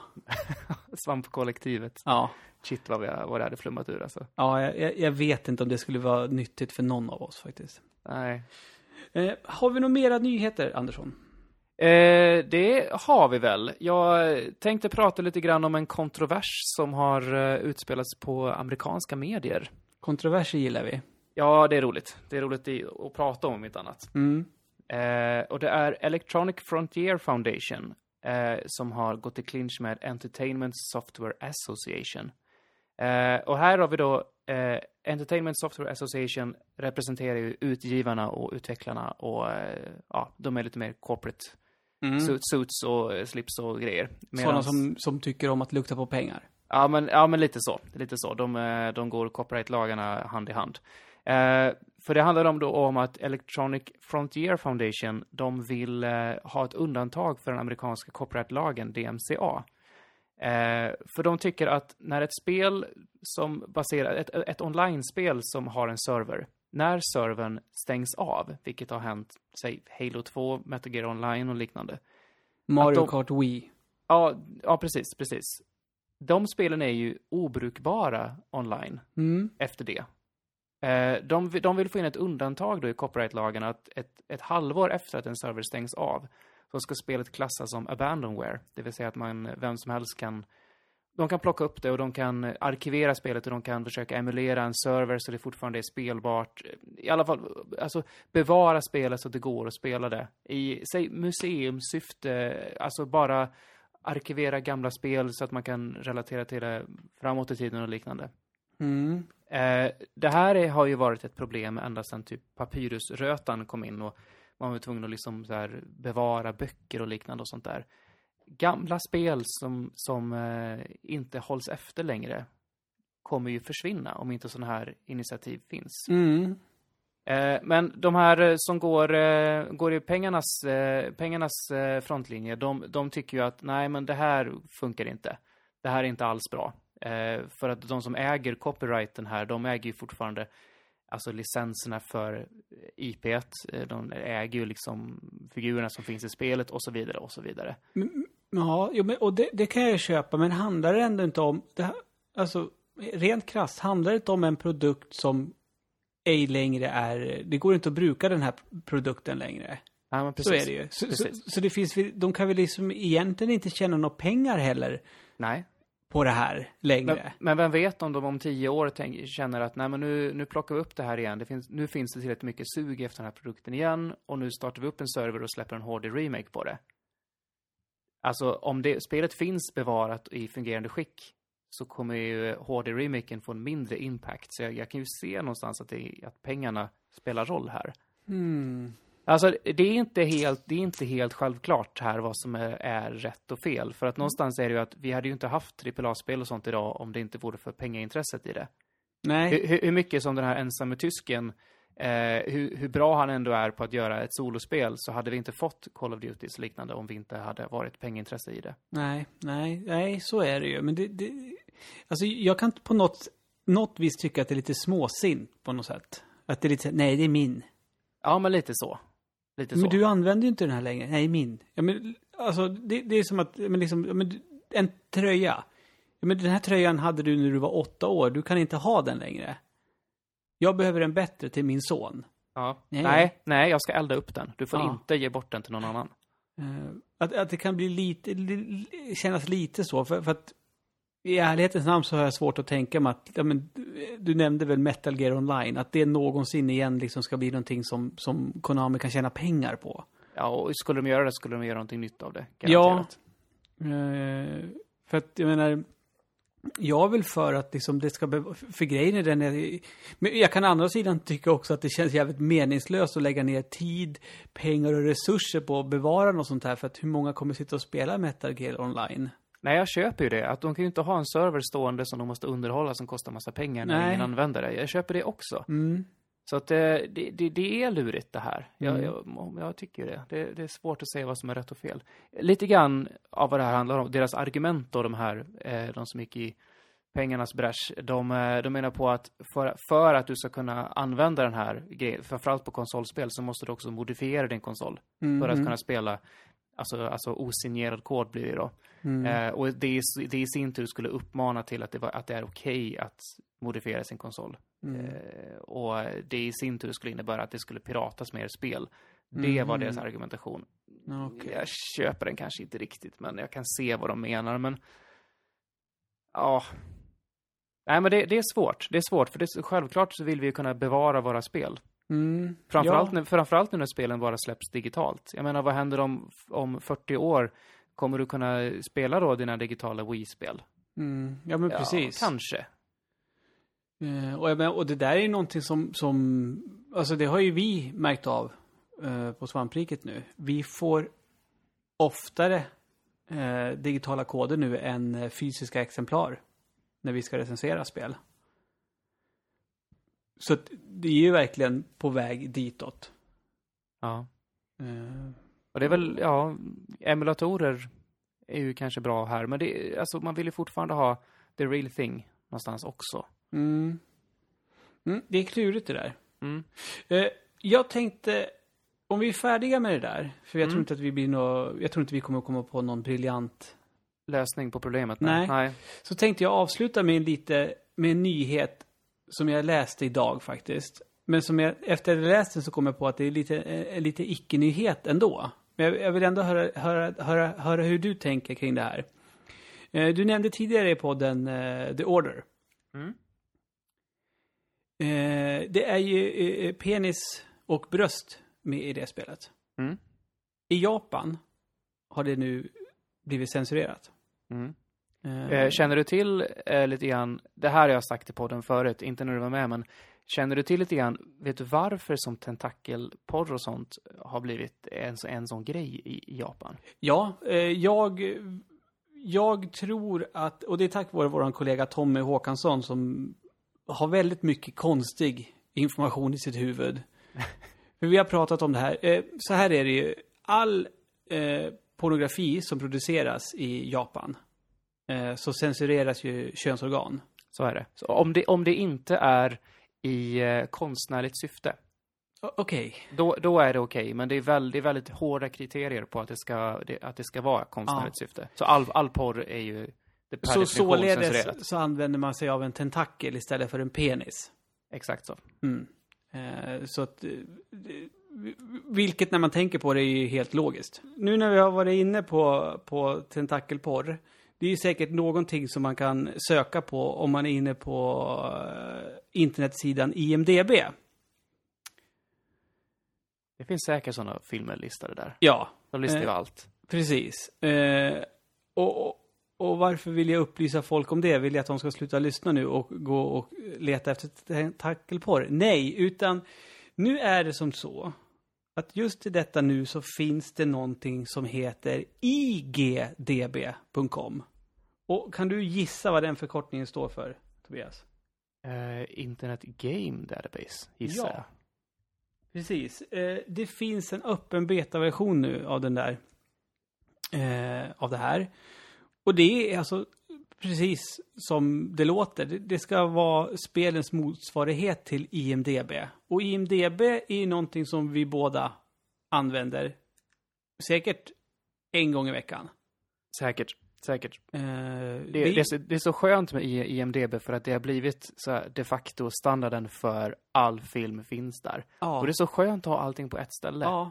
Eh, och, och jag känner ju att jag har väl någonstans önskat också att det skulle finnas någonting liknande för, för det här med spel.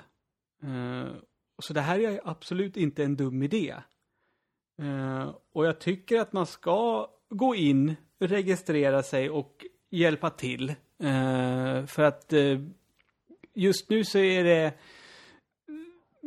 strax över 9 500 spel som finns listade där. Men alla de spelen har ju liksom inte eh, uppgifter och sånt, utan det kanske bara liksom framsidan och eh, vad spelet heter som finns. Eh, men, men det är ju liksom så att jag då som användare kan gå in och precis som på Wikipedia hjälpa till att liksom färdigställa artikeln om det här spelet. Mm. Ehm, Och viktigt, viktigt här tycker jag också att säga att det här är en, en, en non-profit eh, grej. Mm, mm. Det, är ju, det är helt enkelt för, för internets bästa och för spelcommunityts bästa som, Ja. som det, intentionerna här, här ligger i. Och ingen reklam och sånt finns på sidan. Det är möjligt att de skaffar en likt IMDB, en Pro-variant i framtiden. Mm. Som är mer inriktade för spelutvecklare och den typen av det. Kanske händer. Men, Ja. men inte i grundutförandet är det inte så. Nej, det är det ju inte. Eh, så att eh, det här, det är väl någonting som vi, vi applåderar. Ja, verkligen. Och eh, nu, nu gäller det bara att man ska liksom frångå sin vana. Att liksom bara googla utan att man går in och att man liksom att testa den här skiten så att säga. Eh, och se vad, det, vad, den kan gå för. Att man liksom, är det ett spel jag undrar någonting om så ska man gå in där och kolla. Jag hoppas verkligen att den, den kreativa sidan av internet som gillar spel eh, alltså omfamnar det här och inte bara ratar det utan faktiskt tar till sig och, och börjar använda det och fylla på och, och köra på det här. Mm. Ja men precis, så är det ju. Och, och jag, jag menar, jag märker ju nu, jag sitter här och bara eh, slötittar på, på, på sidan och eh, un, under en veckas tid när man går in på startsidan då har det varit, då har det liksom varit en lista med spel där det står, eh, där det står typ hjälp, de här spelen behöver, det behöver fyllas på mer fakta om de här spelen. Men nu så eh, ser det annorlunda ut. Utan nu när man går in då, ser, då, finns det en lista på spel som kommer snart. Eh, vilka spel som folk är mest hypade för. För då kan man gå in och liksom, ja, hur, hur, hur sugen är jag på det här spelet och liksom gradera det. Och sen finns det eh, de högsta eh, spelen som har fått högst betyg. För precis på IMDB så kan du betygsätta spelen här. Och eh, den eh, listan visar ju på att eh, den är ju rätt så ny den här eh, sajten. Mm. För att, eh, om vi säger så här, topp 10 då, den, den som ligger på startsidan. Eh, så att lyssnarna får ett grepp om att, att de kanske inser att de måste gå in och börja styra upp det här. Det är att Half-Life 2, Episod 2 ligger på tionde plats.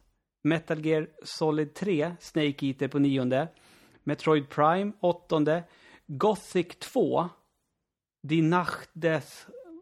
Vet inte jag vad det är. UFO, Enemy Unknown, Half-Life, Chrono Trigger, Oren the Blind Forest på tredje plats, Metal Gear Solid 3, Subsistence på andra plats. Och ett spel vid namn Tag Pro är det spelet som har fått högst betyg. Vad är Eh, va, va? Jag gick in på den. 150 ratings och eh, 100 av 100 har det betyg. Eh, Okej. Jag har ingen aning om vad det här är för något. Alltså jag, jag tittar lite på det nu.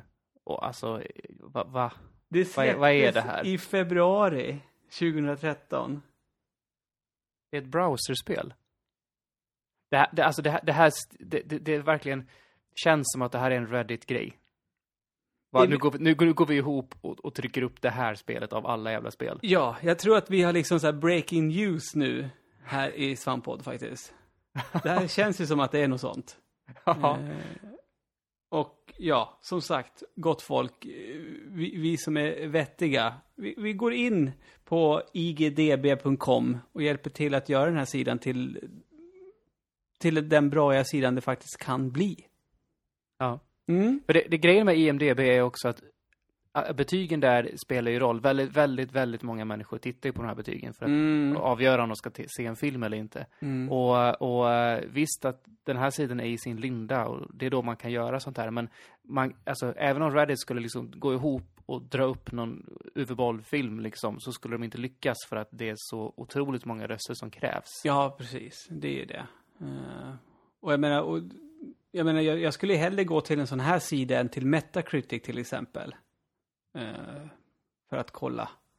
Ja, Och, och a- att IGDB på något sätt, liksom det systemet, precis på samma sätt som att de även kanske i framtiden har att de samlar liksom de största spelsajterna och sånt, deras betyg om spelen också. För, så, för så, som det är nu, som jag förstår det, så är det enbart eh, användarbaserat. Eh, men eh, precis som på Metacritic, att det finns, som, att det finns både och. Eh, fast Metacritic är väl eh, det är fan inte alls att räkna med när man ska gå och kolla på vad användarna. För där är det verkligen att spel röstas upp eller röstas ner bara för att. På Metacritic. Ja, verkligen. Så är det ju. Alltså bl- bland, bland de häftigaste grejer jag har hört, som när, när det har hänt sån här, eh, alltså typ folk har gått ihop på något forum någonstans och röstat upp. Det var väl, det var väl eh, Rolling Stone som skulle rösta fram typ årets jullåt eller något sånt där. Mm. För fem, tio år sedan eller sånt där. Och det var väl ehm, ehm, Rage Against the Machines Killing in the Name som vann den. Det kan ha varit en annan Rage-låt också, men det var, det, det var, så här, det var ett helt gäng jullåtar, klassiska, så var det den som vann så här extremt stort. Skitbra. Ja. Eh, rimlig jullåt. Japp. Ja. Japp. Eh, Eh, sista nyheten vi, för, för eh, den här veckan som jag tänkte prata om är ju Operation Platinum som vi kör på, på Svampriket. mm. Eh, vi har passerat två månader gångna ungefär i den tävlingen. Och för er som inte har koll på den så är det en, är det en Playstation-tävling helt enkelt. Där vi har spons av Sony eh, som, som har skänkt lite priser här. Där eh, det går ut på att hitta, eller att tävla i att ta Platinums. Mm. Eh, Och, och en Platinum är ju då eh, motsvarigheten till ja, tusen av tusen gamescore på, eh, på Xbox helt enkelt. Man tar alla troféer eller achievements då i, i ett spel. Och på Playstation får man då en Platinum-trofé när man har gjort det. Och eh, vad vi tävlar i här är ju att ta flest antal på den här utsatta tiden då. Eh, det är också i eh, vem som tar en trofé, eller vem som tar en Platinum snabbast ifrån första trofén till att man tar den sista då. Och även den mest ovanliga trofén, det vill säga den mest svåra att ta, eller minst människor som har helt enkelt. Och det baserar vi på PSN Profiles, som är en sån samlingssida som, som drar statistik på sånt här då. Mm. Eh, så jag tänkte bara dra lite kort ställningarna där. Och är det någon som är intresserad av att ehm, hoppa på detta så är det ju det är helt okej att göra det fortfarande. Det är absolut inte så att man var tvungen att vara med från början utan det är sista dagen, när den dagen är så, så eh, det är då vi liksom låser alltihop och ser vem det är som, som har vunnit. Eh, en liten statusuppdatering då är att vi har Steve Machine som går in och leder på sju stycken Platinas hittills i tävlingen. Eh, Är det ganska bra jobbat det, eller? Ja, det är väl ganska bra jobbat. Det är ju lite mindre än en i veckan. Eh, och det är ju helt okej här att gå in och scanna av forum efter de enklaste platernas man kan hitta. För att det är klart att det finns enkla sådana spel. Men eh, det är ju det är ju öppet för alla att göra det. Tävlingen ligger ju så. Mm. Man kan till exempel, jag har också sett många när jag har gått igenom listorna här nu, så är det många som typ dammar av gamla spel som de spelade för två år sedan och har kanske klarat men inte liksom slutfört trofémässigt då. Ja, okej, utan gör det nu då, så att säga. Ja, men precis, precis. Eh, och det är ju helt okej att göra det, för det är ju datumet när platina tas som, som ska vara inom den här grän- begränsningen vi har satt då. Eh, sen har vi två stycken som eh, Lule Linus och Punk Lurch ligger på sex. Så att, eh, och det finns flera stycken där under som ligger på fem och fyra och så. Så att det, det är fortfarande öppet lopp. Det är det. Eh, I mest sällsynta platerna så hade vi förra månaden Ragovit som hade tagit eh, Velocity 2X eh, och den ligger på 1,6 procent av alla som har spelat det som har faktiskt tagit platinan. Så att, eh, och jag tror att han kände att, eh, att han skulle ligga rätt bra till med den. Ja. Men den här månaden så har Traktor Ralle gått in och Alltså. klämt... Ja, Namnen alltså, användarnamn. Alltså jag ska inte säga något, jag heter Svampludde eller Fred Fearless. Det är också två fjantnamn liksom, men ja. det är jobbigt det där på Playstation för du kan inte byta ditt användarnamn. Nej. Det, det är låst. På Playstation så tror jag att du kan betala pengar för att byta det. Ja, det kan Lite man göra. osäker. Eh, I alla fall, han, han gick in och klämde in Helldivers. Och det ligger på 0,16 just nu. Så det är, det är fan starkt jobbat. Oj. Undrar undrar om det är någon som kommer, ta den. Det kan ju också vara så att den går upp i procent i takt med att fler spelare. Eller, nej, det måste ju gå ner om fler spelare. Att fler tar platinas helt enkelt i det. Eh, för då går, då går ju i så fall eh, procenten upp. Eh, för som sagt, vi låser ju när tävlingen är slut. Eh, men vi har också Dotnod 86 som, gick, som tog eh, The Binding of Isaac som ligger på 0,59. Och, Alltså det är ju... Och vad, heter vad jag läst om Binding, The Binding of Isaac så är det att det finns någon glitch där så att du kan inte ta platinan på PS3 så du måste spela det på vita. Va? Det kan, det kan ha patchats nu, men, men när jag kollade på det för några veckor sedan så var det så. Mm, ja, okej, ja, det är imponerande. Eh, I snabbaste platerna så eh, står det fortfarande kvar samma som det gjorde förra månaden. Och det är ju då Steve Machine som har uh, tagit Murdered Soul Sp- Suspects på 2 timmar och 50 minuter. Eh, vad han gjorde här var ju att han spelade först PS4-versionen eh, och spelade ordentligt och sen så gick han direkt på PS3-versionen och sprang igenom spelet, alltså skippade alla cutscenes, visste precis vad han skulle göra eh, och spelade det och då går det ju snabbt. Men det var inte det vi, vi pratade lite om va? Jo, jag tror vi har nämnt det här Ja, förr också. Precis. För att eh, jag som inte ens gick för platerna, spe, det, spelet tar inte lång tid att spela liksom. Nej, precis. Utan svårigheten där är att lura ut hur man gör och sånt. Mm. Spelar, man, spelar- man med guide så tappar man hela behållningen i spelet. Mm, precis. Så, eh, nej men eh, tävlingen fortgår fram till, om jag inte minns fel nu, sista juni. Mm. Så, eh, så det är bara att hoppa på och kör. Och det är ju fan snart, alltså tiden går ju så jävla fort. Ja, det är helt, fan- det är helt otroligt. Det är ju snart maj liksom. Mm. Herregud. Ja, Mm. var det nyheterna för den här veckan? Det var det. Då hoppar vi ner i lyssnarsäcken.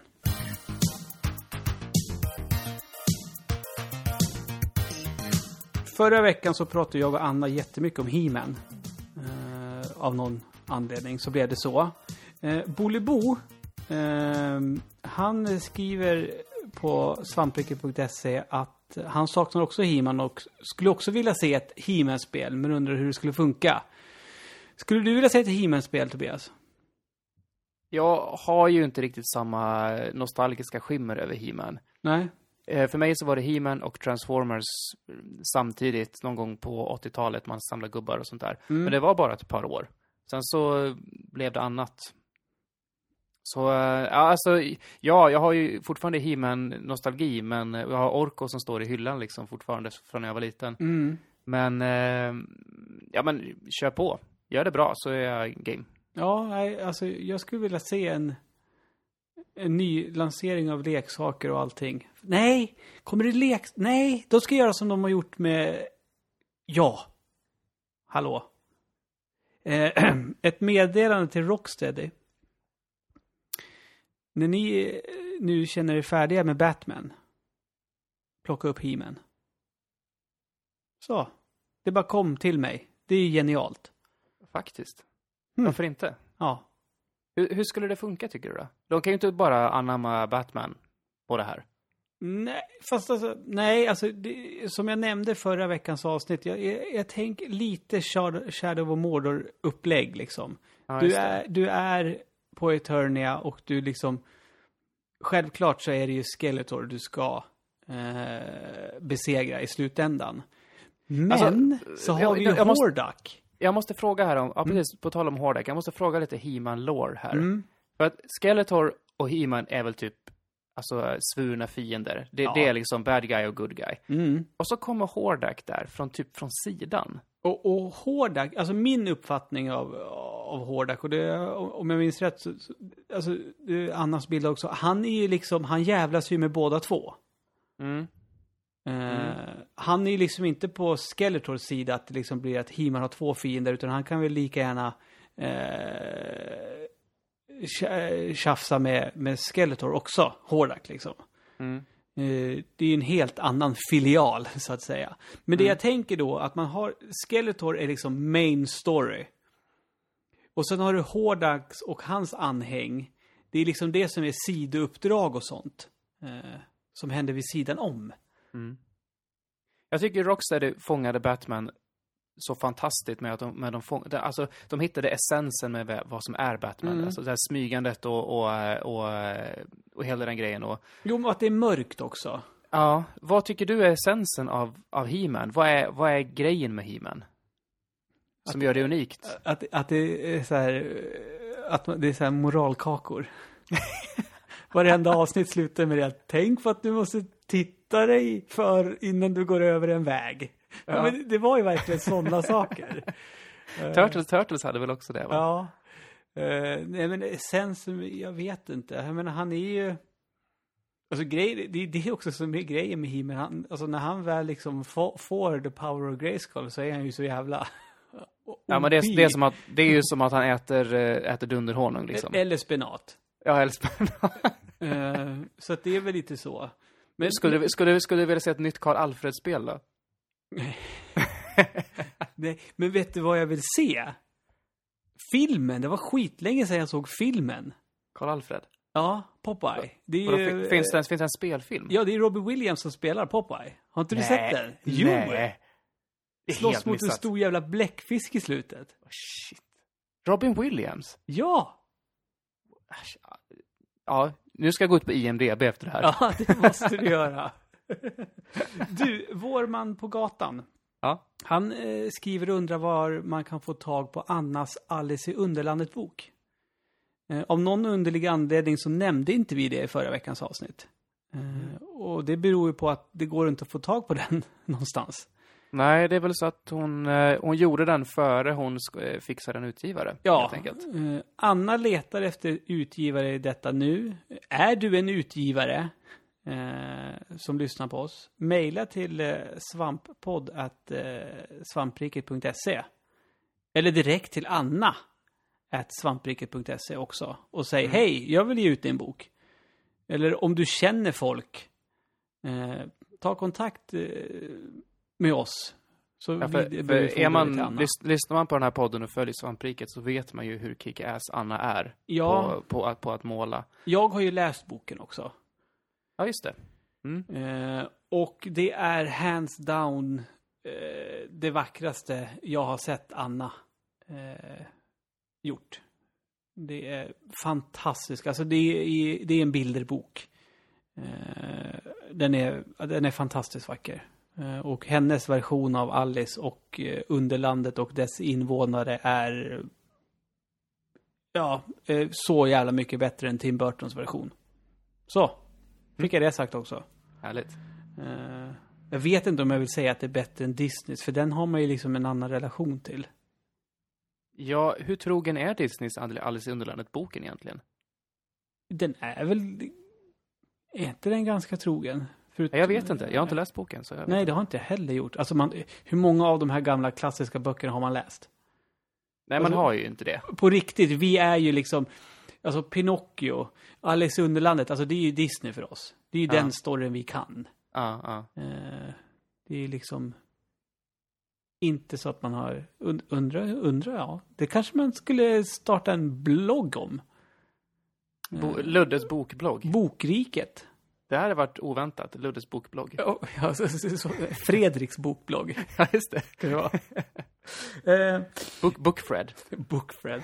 Eh, Jörgen Pettersson eh, skriver till oss och han gjorde det både på Facebook och på sajten. Så han är väldigt mån om att eh, den här informationen ska komma fram. För han säger att nu finns det ett spel till Wii U som använder maskinen som den är tänkt att användas.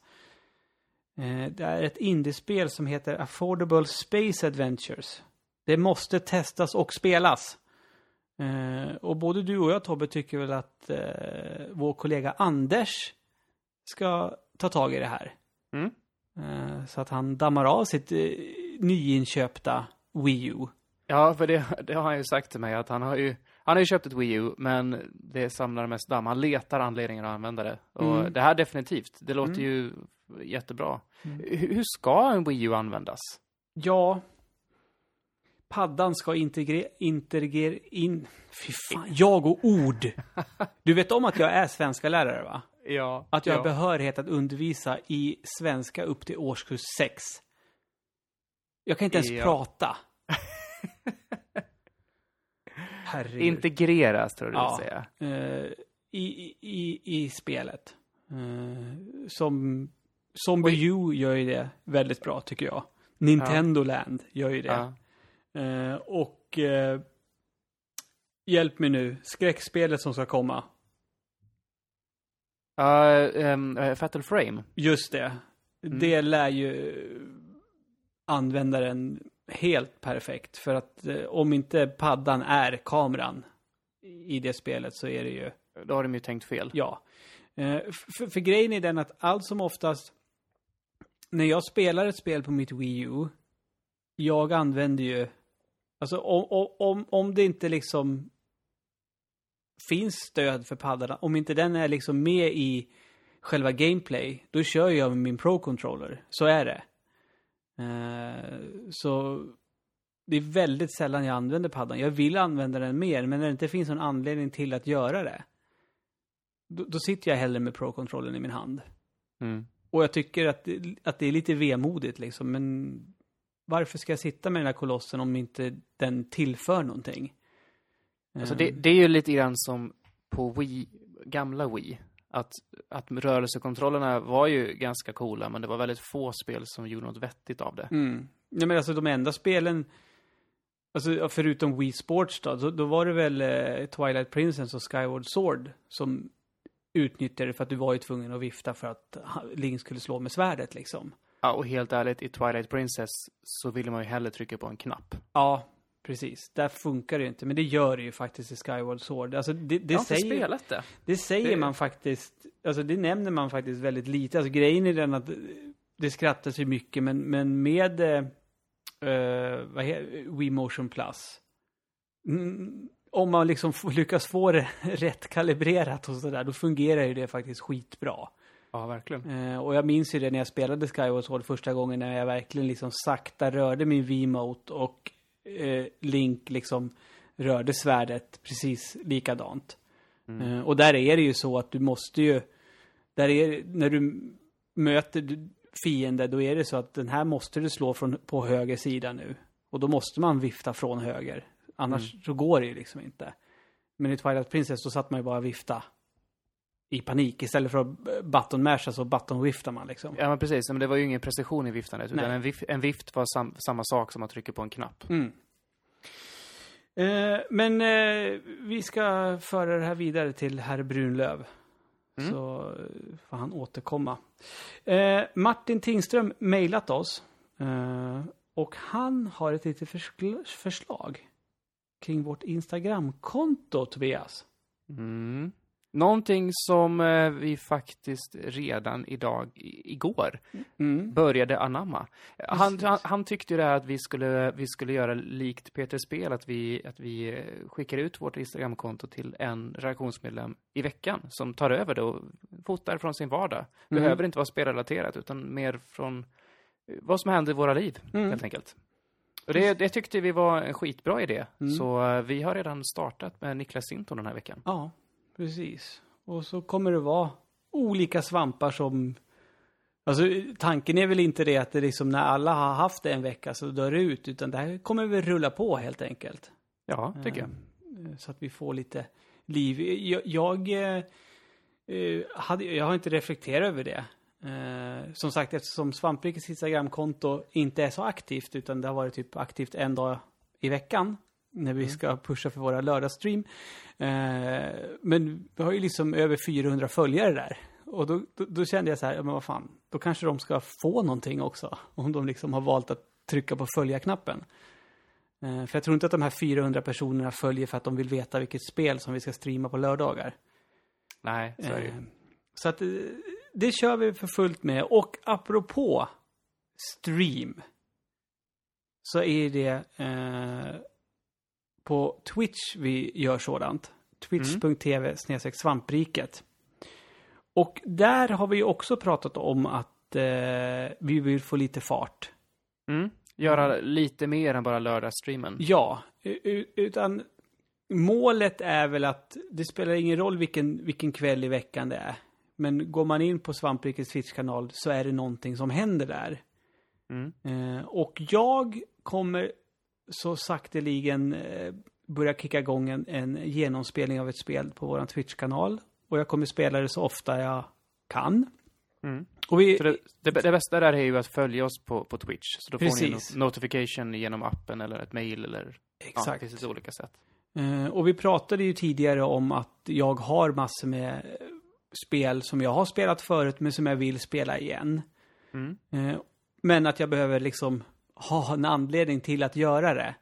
Eh, och, och så således så, för, jag kommer kicka igång en genomspelning av eh, LA Noir. Häftigt. Mm. Och eh, jag har som målsättning att börja med det redan nästa vecka faktiskt. Mm. Och det ska du köra på vardagar och när du har tid helt enkelt? Ja, precis. Eh, och som sagt, följer man oss på Twitch så får du reda på det direkt. Följer du oss på eh, Instagram, eh, vi heter Svampriket där. Då kommer det förmodligen komma upp där. Twitter, där vi också heter Svampriket. Där, där plingar det väl också till när vi startar på Twitch, automatiskt till och med va? Ja, Eller? Nej, Gör inte jag, tror vi, jag tror vi har tagit bort den grejen. För den strular va? Ja, det spammade lite grann. Du Ja. vet när vi startar om och sånt så spammade det typ 17. Eh, Facebook.com svampriket.se. Det är viktigt att det är .se där. Mm. Jag, jättedumt av mig att jag gjorde så en gång i tiden när jag startade det där Facebook. eh. Kan vi ändra det? Jag tror att vi försökte göra det en gång, men att det inte går att göra det. Ja, okej. Jag är inte säker. Men alltså följer man oss på sociala medier, då, då, då vet man vad, vad som händer hos oss. Mm. Så är det. Och, och eh, eh, sist men inte minst youtube.com snedstreck svampriket. Och där har vi ju lite exklusiva grejer som kommer också. Ja men precis. Vi nämnde ju det tidigare att jag håller på att spela genom Grim Fandango nu. Och där, i bästa fall så dyker det upp eh, ett nytt avsnitt i veckan där. Du, du förstår hur lång tid det kommer ta för er att klara det va? Det kommer nog gå ganska fort faktiskt, för vi börjar få eh, häng på det där nu. Aha. Det var bra. Ja. Vad jag, vad, jag, vad, jag, vad jag har sett så har, på fyra avsnitt så har ni inte kommit ut ur staden än. Nej, och, och Niklas var, la en spydig kommentar till mig om det. Ja. ja. Jag, jag spelade igenom det spelet första gången nu när, när HD-remaken kom. Och det, Du har spelat igenom det redan? Ja, alltså. nu, det har jag gjort det nu. Jag hade inte gjort det förut, men Nej. jag gjorde det första gången nu med HD-remaken. Och det tog en helg. Ja, Med väldigt, väldigt sparsamt användande av guides. Det var när jag verkligen körde fast. okej. Ja, va- eh, good for you. Ja. eh, på tal om Twitch, så jag och Anders har ju, ja, vi, ny, nyligen så spelade vi igenom hela Metal Gear Solid. Den finns också på YouTube. Mm. Eh, har ni idéer på äldre spel som skulle funka i det formatet så hör gärna av er. Mm. För vi, vi är sugna på att spela, alltså göra den typen av grejer mer, där man tar typ en hel kväll och drar igenom ett helt spel. Jo, Till, exempel, till exempel så har jag, jag, jag har ju tjatat på Anders om att spela Silent Hill 2 eh, ganska länge, men han är lite så här åmig över det där. det har eh, inte han gjort, nej. Är Nej. inte det ett, det är väl ett utmärkt jävla spel? Japp, så att jag har fått honom nu att gå med på att spela det på Halloween med mig. Tar du det på en kväll alltså? Det är typ åtta timmar. Jag kommer ju sitta med. Han kommer få hålla i kontrollen. Jag kommer sitta med och typ styra han åt rätt håll mest. Okej, du minns det så pass alltså? Ja, jag spelade ju HD-remaken nyss. Ja, Eller nyss och nyss. okej. Men du vet, för no, Mm, no, mm, mm, ett och ett halvt mm, år sedan mm. eller något. Så att, äh, men jag, jag, så pass koll har jag på det, så jag vet ju och i alla fall hyfsat vilket håll man ska gå. Jag tycker det är bäst, ja. Ja, det tycker jag nog jag också. Trean är också bra, Ja. men på ett annat sätt. Ettan, tvåan, trean är ju, det är ju tre smärre mästerverk, alla tre spelen. Ja, ja. Eh, Men jag håller Sen, sen, så, sen så bollar de ju runt den här jävla serien till alla möjliga konstiga utgivare. Downpour, har jag, Downpour har jag hört mycket bra om, men resten är, kan man skita i. Mm, Och faktiskt. gu, gud vad jag är rädd att nya Silent Hills ska gå i stöpen när Kojima håller på och velar som han gör nu. Ja, Vi vet ju inte vad som händer med honom, men Så oklart allting. Ja. Jag, man, jag gillar inte när det blir sådär. Det, det, det där är någonting jag hatar med att man får reda på saker så tidigt nu för tiden. Mm, mm. För då, jag menar förr i tiden när man liksom inte visste någonting alls. Då, det är säkert jättemånga spel som vi inte har en aning om som har liksom varit på bordet och nästan blivit färdiga spel som verkade skithäftiga. Ja. Men det har inte vi så då behöver man inte gå och må dåligt över att det aldrig blev av. Jag menar, jag, jag kommer ju, jag kommer ju aldrig liksom glömma bort eh, Star Wars eh, 1313 till exempel. Nej, just det. Jag var ju Just på det. fucking jävla pressvisning i Los Angeles på det jävla spelet. Eh, och sen, nej, det spelet kommer aldrig komma. Det känns ju jättedumt. Ja, jättedumt verkligen alltså. Eh, Ja. Nej, så att eh, jag vill veta mindre helt enkelt. Du, på tal om Star Wars, vi pratade ju förut om Wii och motion controls och sånt. Mm, Eh, minns du när Kinect visades upp och de visade upp Star Wars Kinect? mm. Och typ hela internet exploderade för att alla liksom fick idéer i huvudet, av, i huvudet om hur coolt det kommer vara med riktiga lightsaber-strider och sånt. Mm. Sen blev det inte så bra va, när det kom? Mm. Eller? Nej. Har du spelat det? Ja, jag har det. Ja, var det bra? Alltså det, det, det, det, som är kul, det är väl typ när man spelar som en rancor och går och förstör Moss Eisley typ. Ja, så det, det blir typ som i slutet på Gears of War 2 när man går, bara Ja. brötar runt med ett Ja. monster. Typ. Så är det. Eh, men alltså grejen är den, jag hade ju min, eh, eh, min lista för några veckor sedan. om Kinect-titlar jag vill ska komma. Mm. Och där hade jag ju faktiskt eh, Kinect Star Wars 2 som en. För grejen är den att eh, nya Kinect-sensorn är ju faktiskt helt eh, otrolig. Mm. Den är ju så som man trodde att första Kinecten skulle vara när de visade upp den. Det är så, alltså, jag tycker det är så synd om Microsoft på så många sätt. Ja. För att de har ju bra idéer och bra grejer. Det är bara att de, de är så jävla dåliga på att få ut dem till, till, till konsumenterna. Men Kinect är ju en cool grej. Det är bara att internet och hela världen har ju dömt ut det. Och det, och det är det som är någonting som jag tycker är trist och läskigt med vår tidsålder nu. Eh, är det tillräckligt många som skriker att det här är skit, då blir det liksom att okej, det här är skit. Vi gör om, vi gör rätt, vi gör som ni vill istället.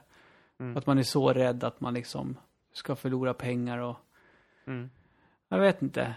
Och är det någonting som, som internet är bra på, det är att skjuta ner allting som sticker ut lite. Ja, men det känns som att internet liksom eh, sätter eh, kulor i huvuden på visionärer jätteofta. Verkligen. Ja, det, det är mörka tider vi lever i, Tobias Andersson. Det är tur att eh, Svamppodd kommer ut varje tisdag och kan vara ett litet ljus i, i, i mörkret. Mm. Det, det är härligt det. Ja.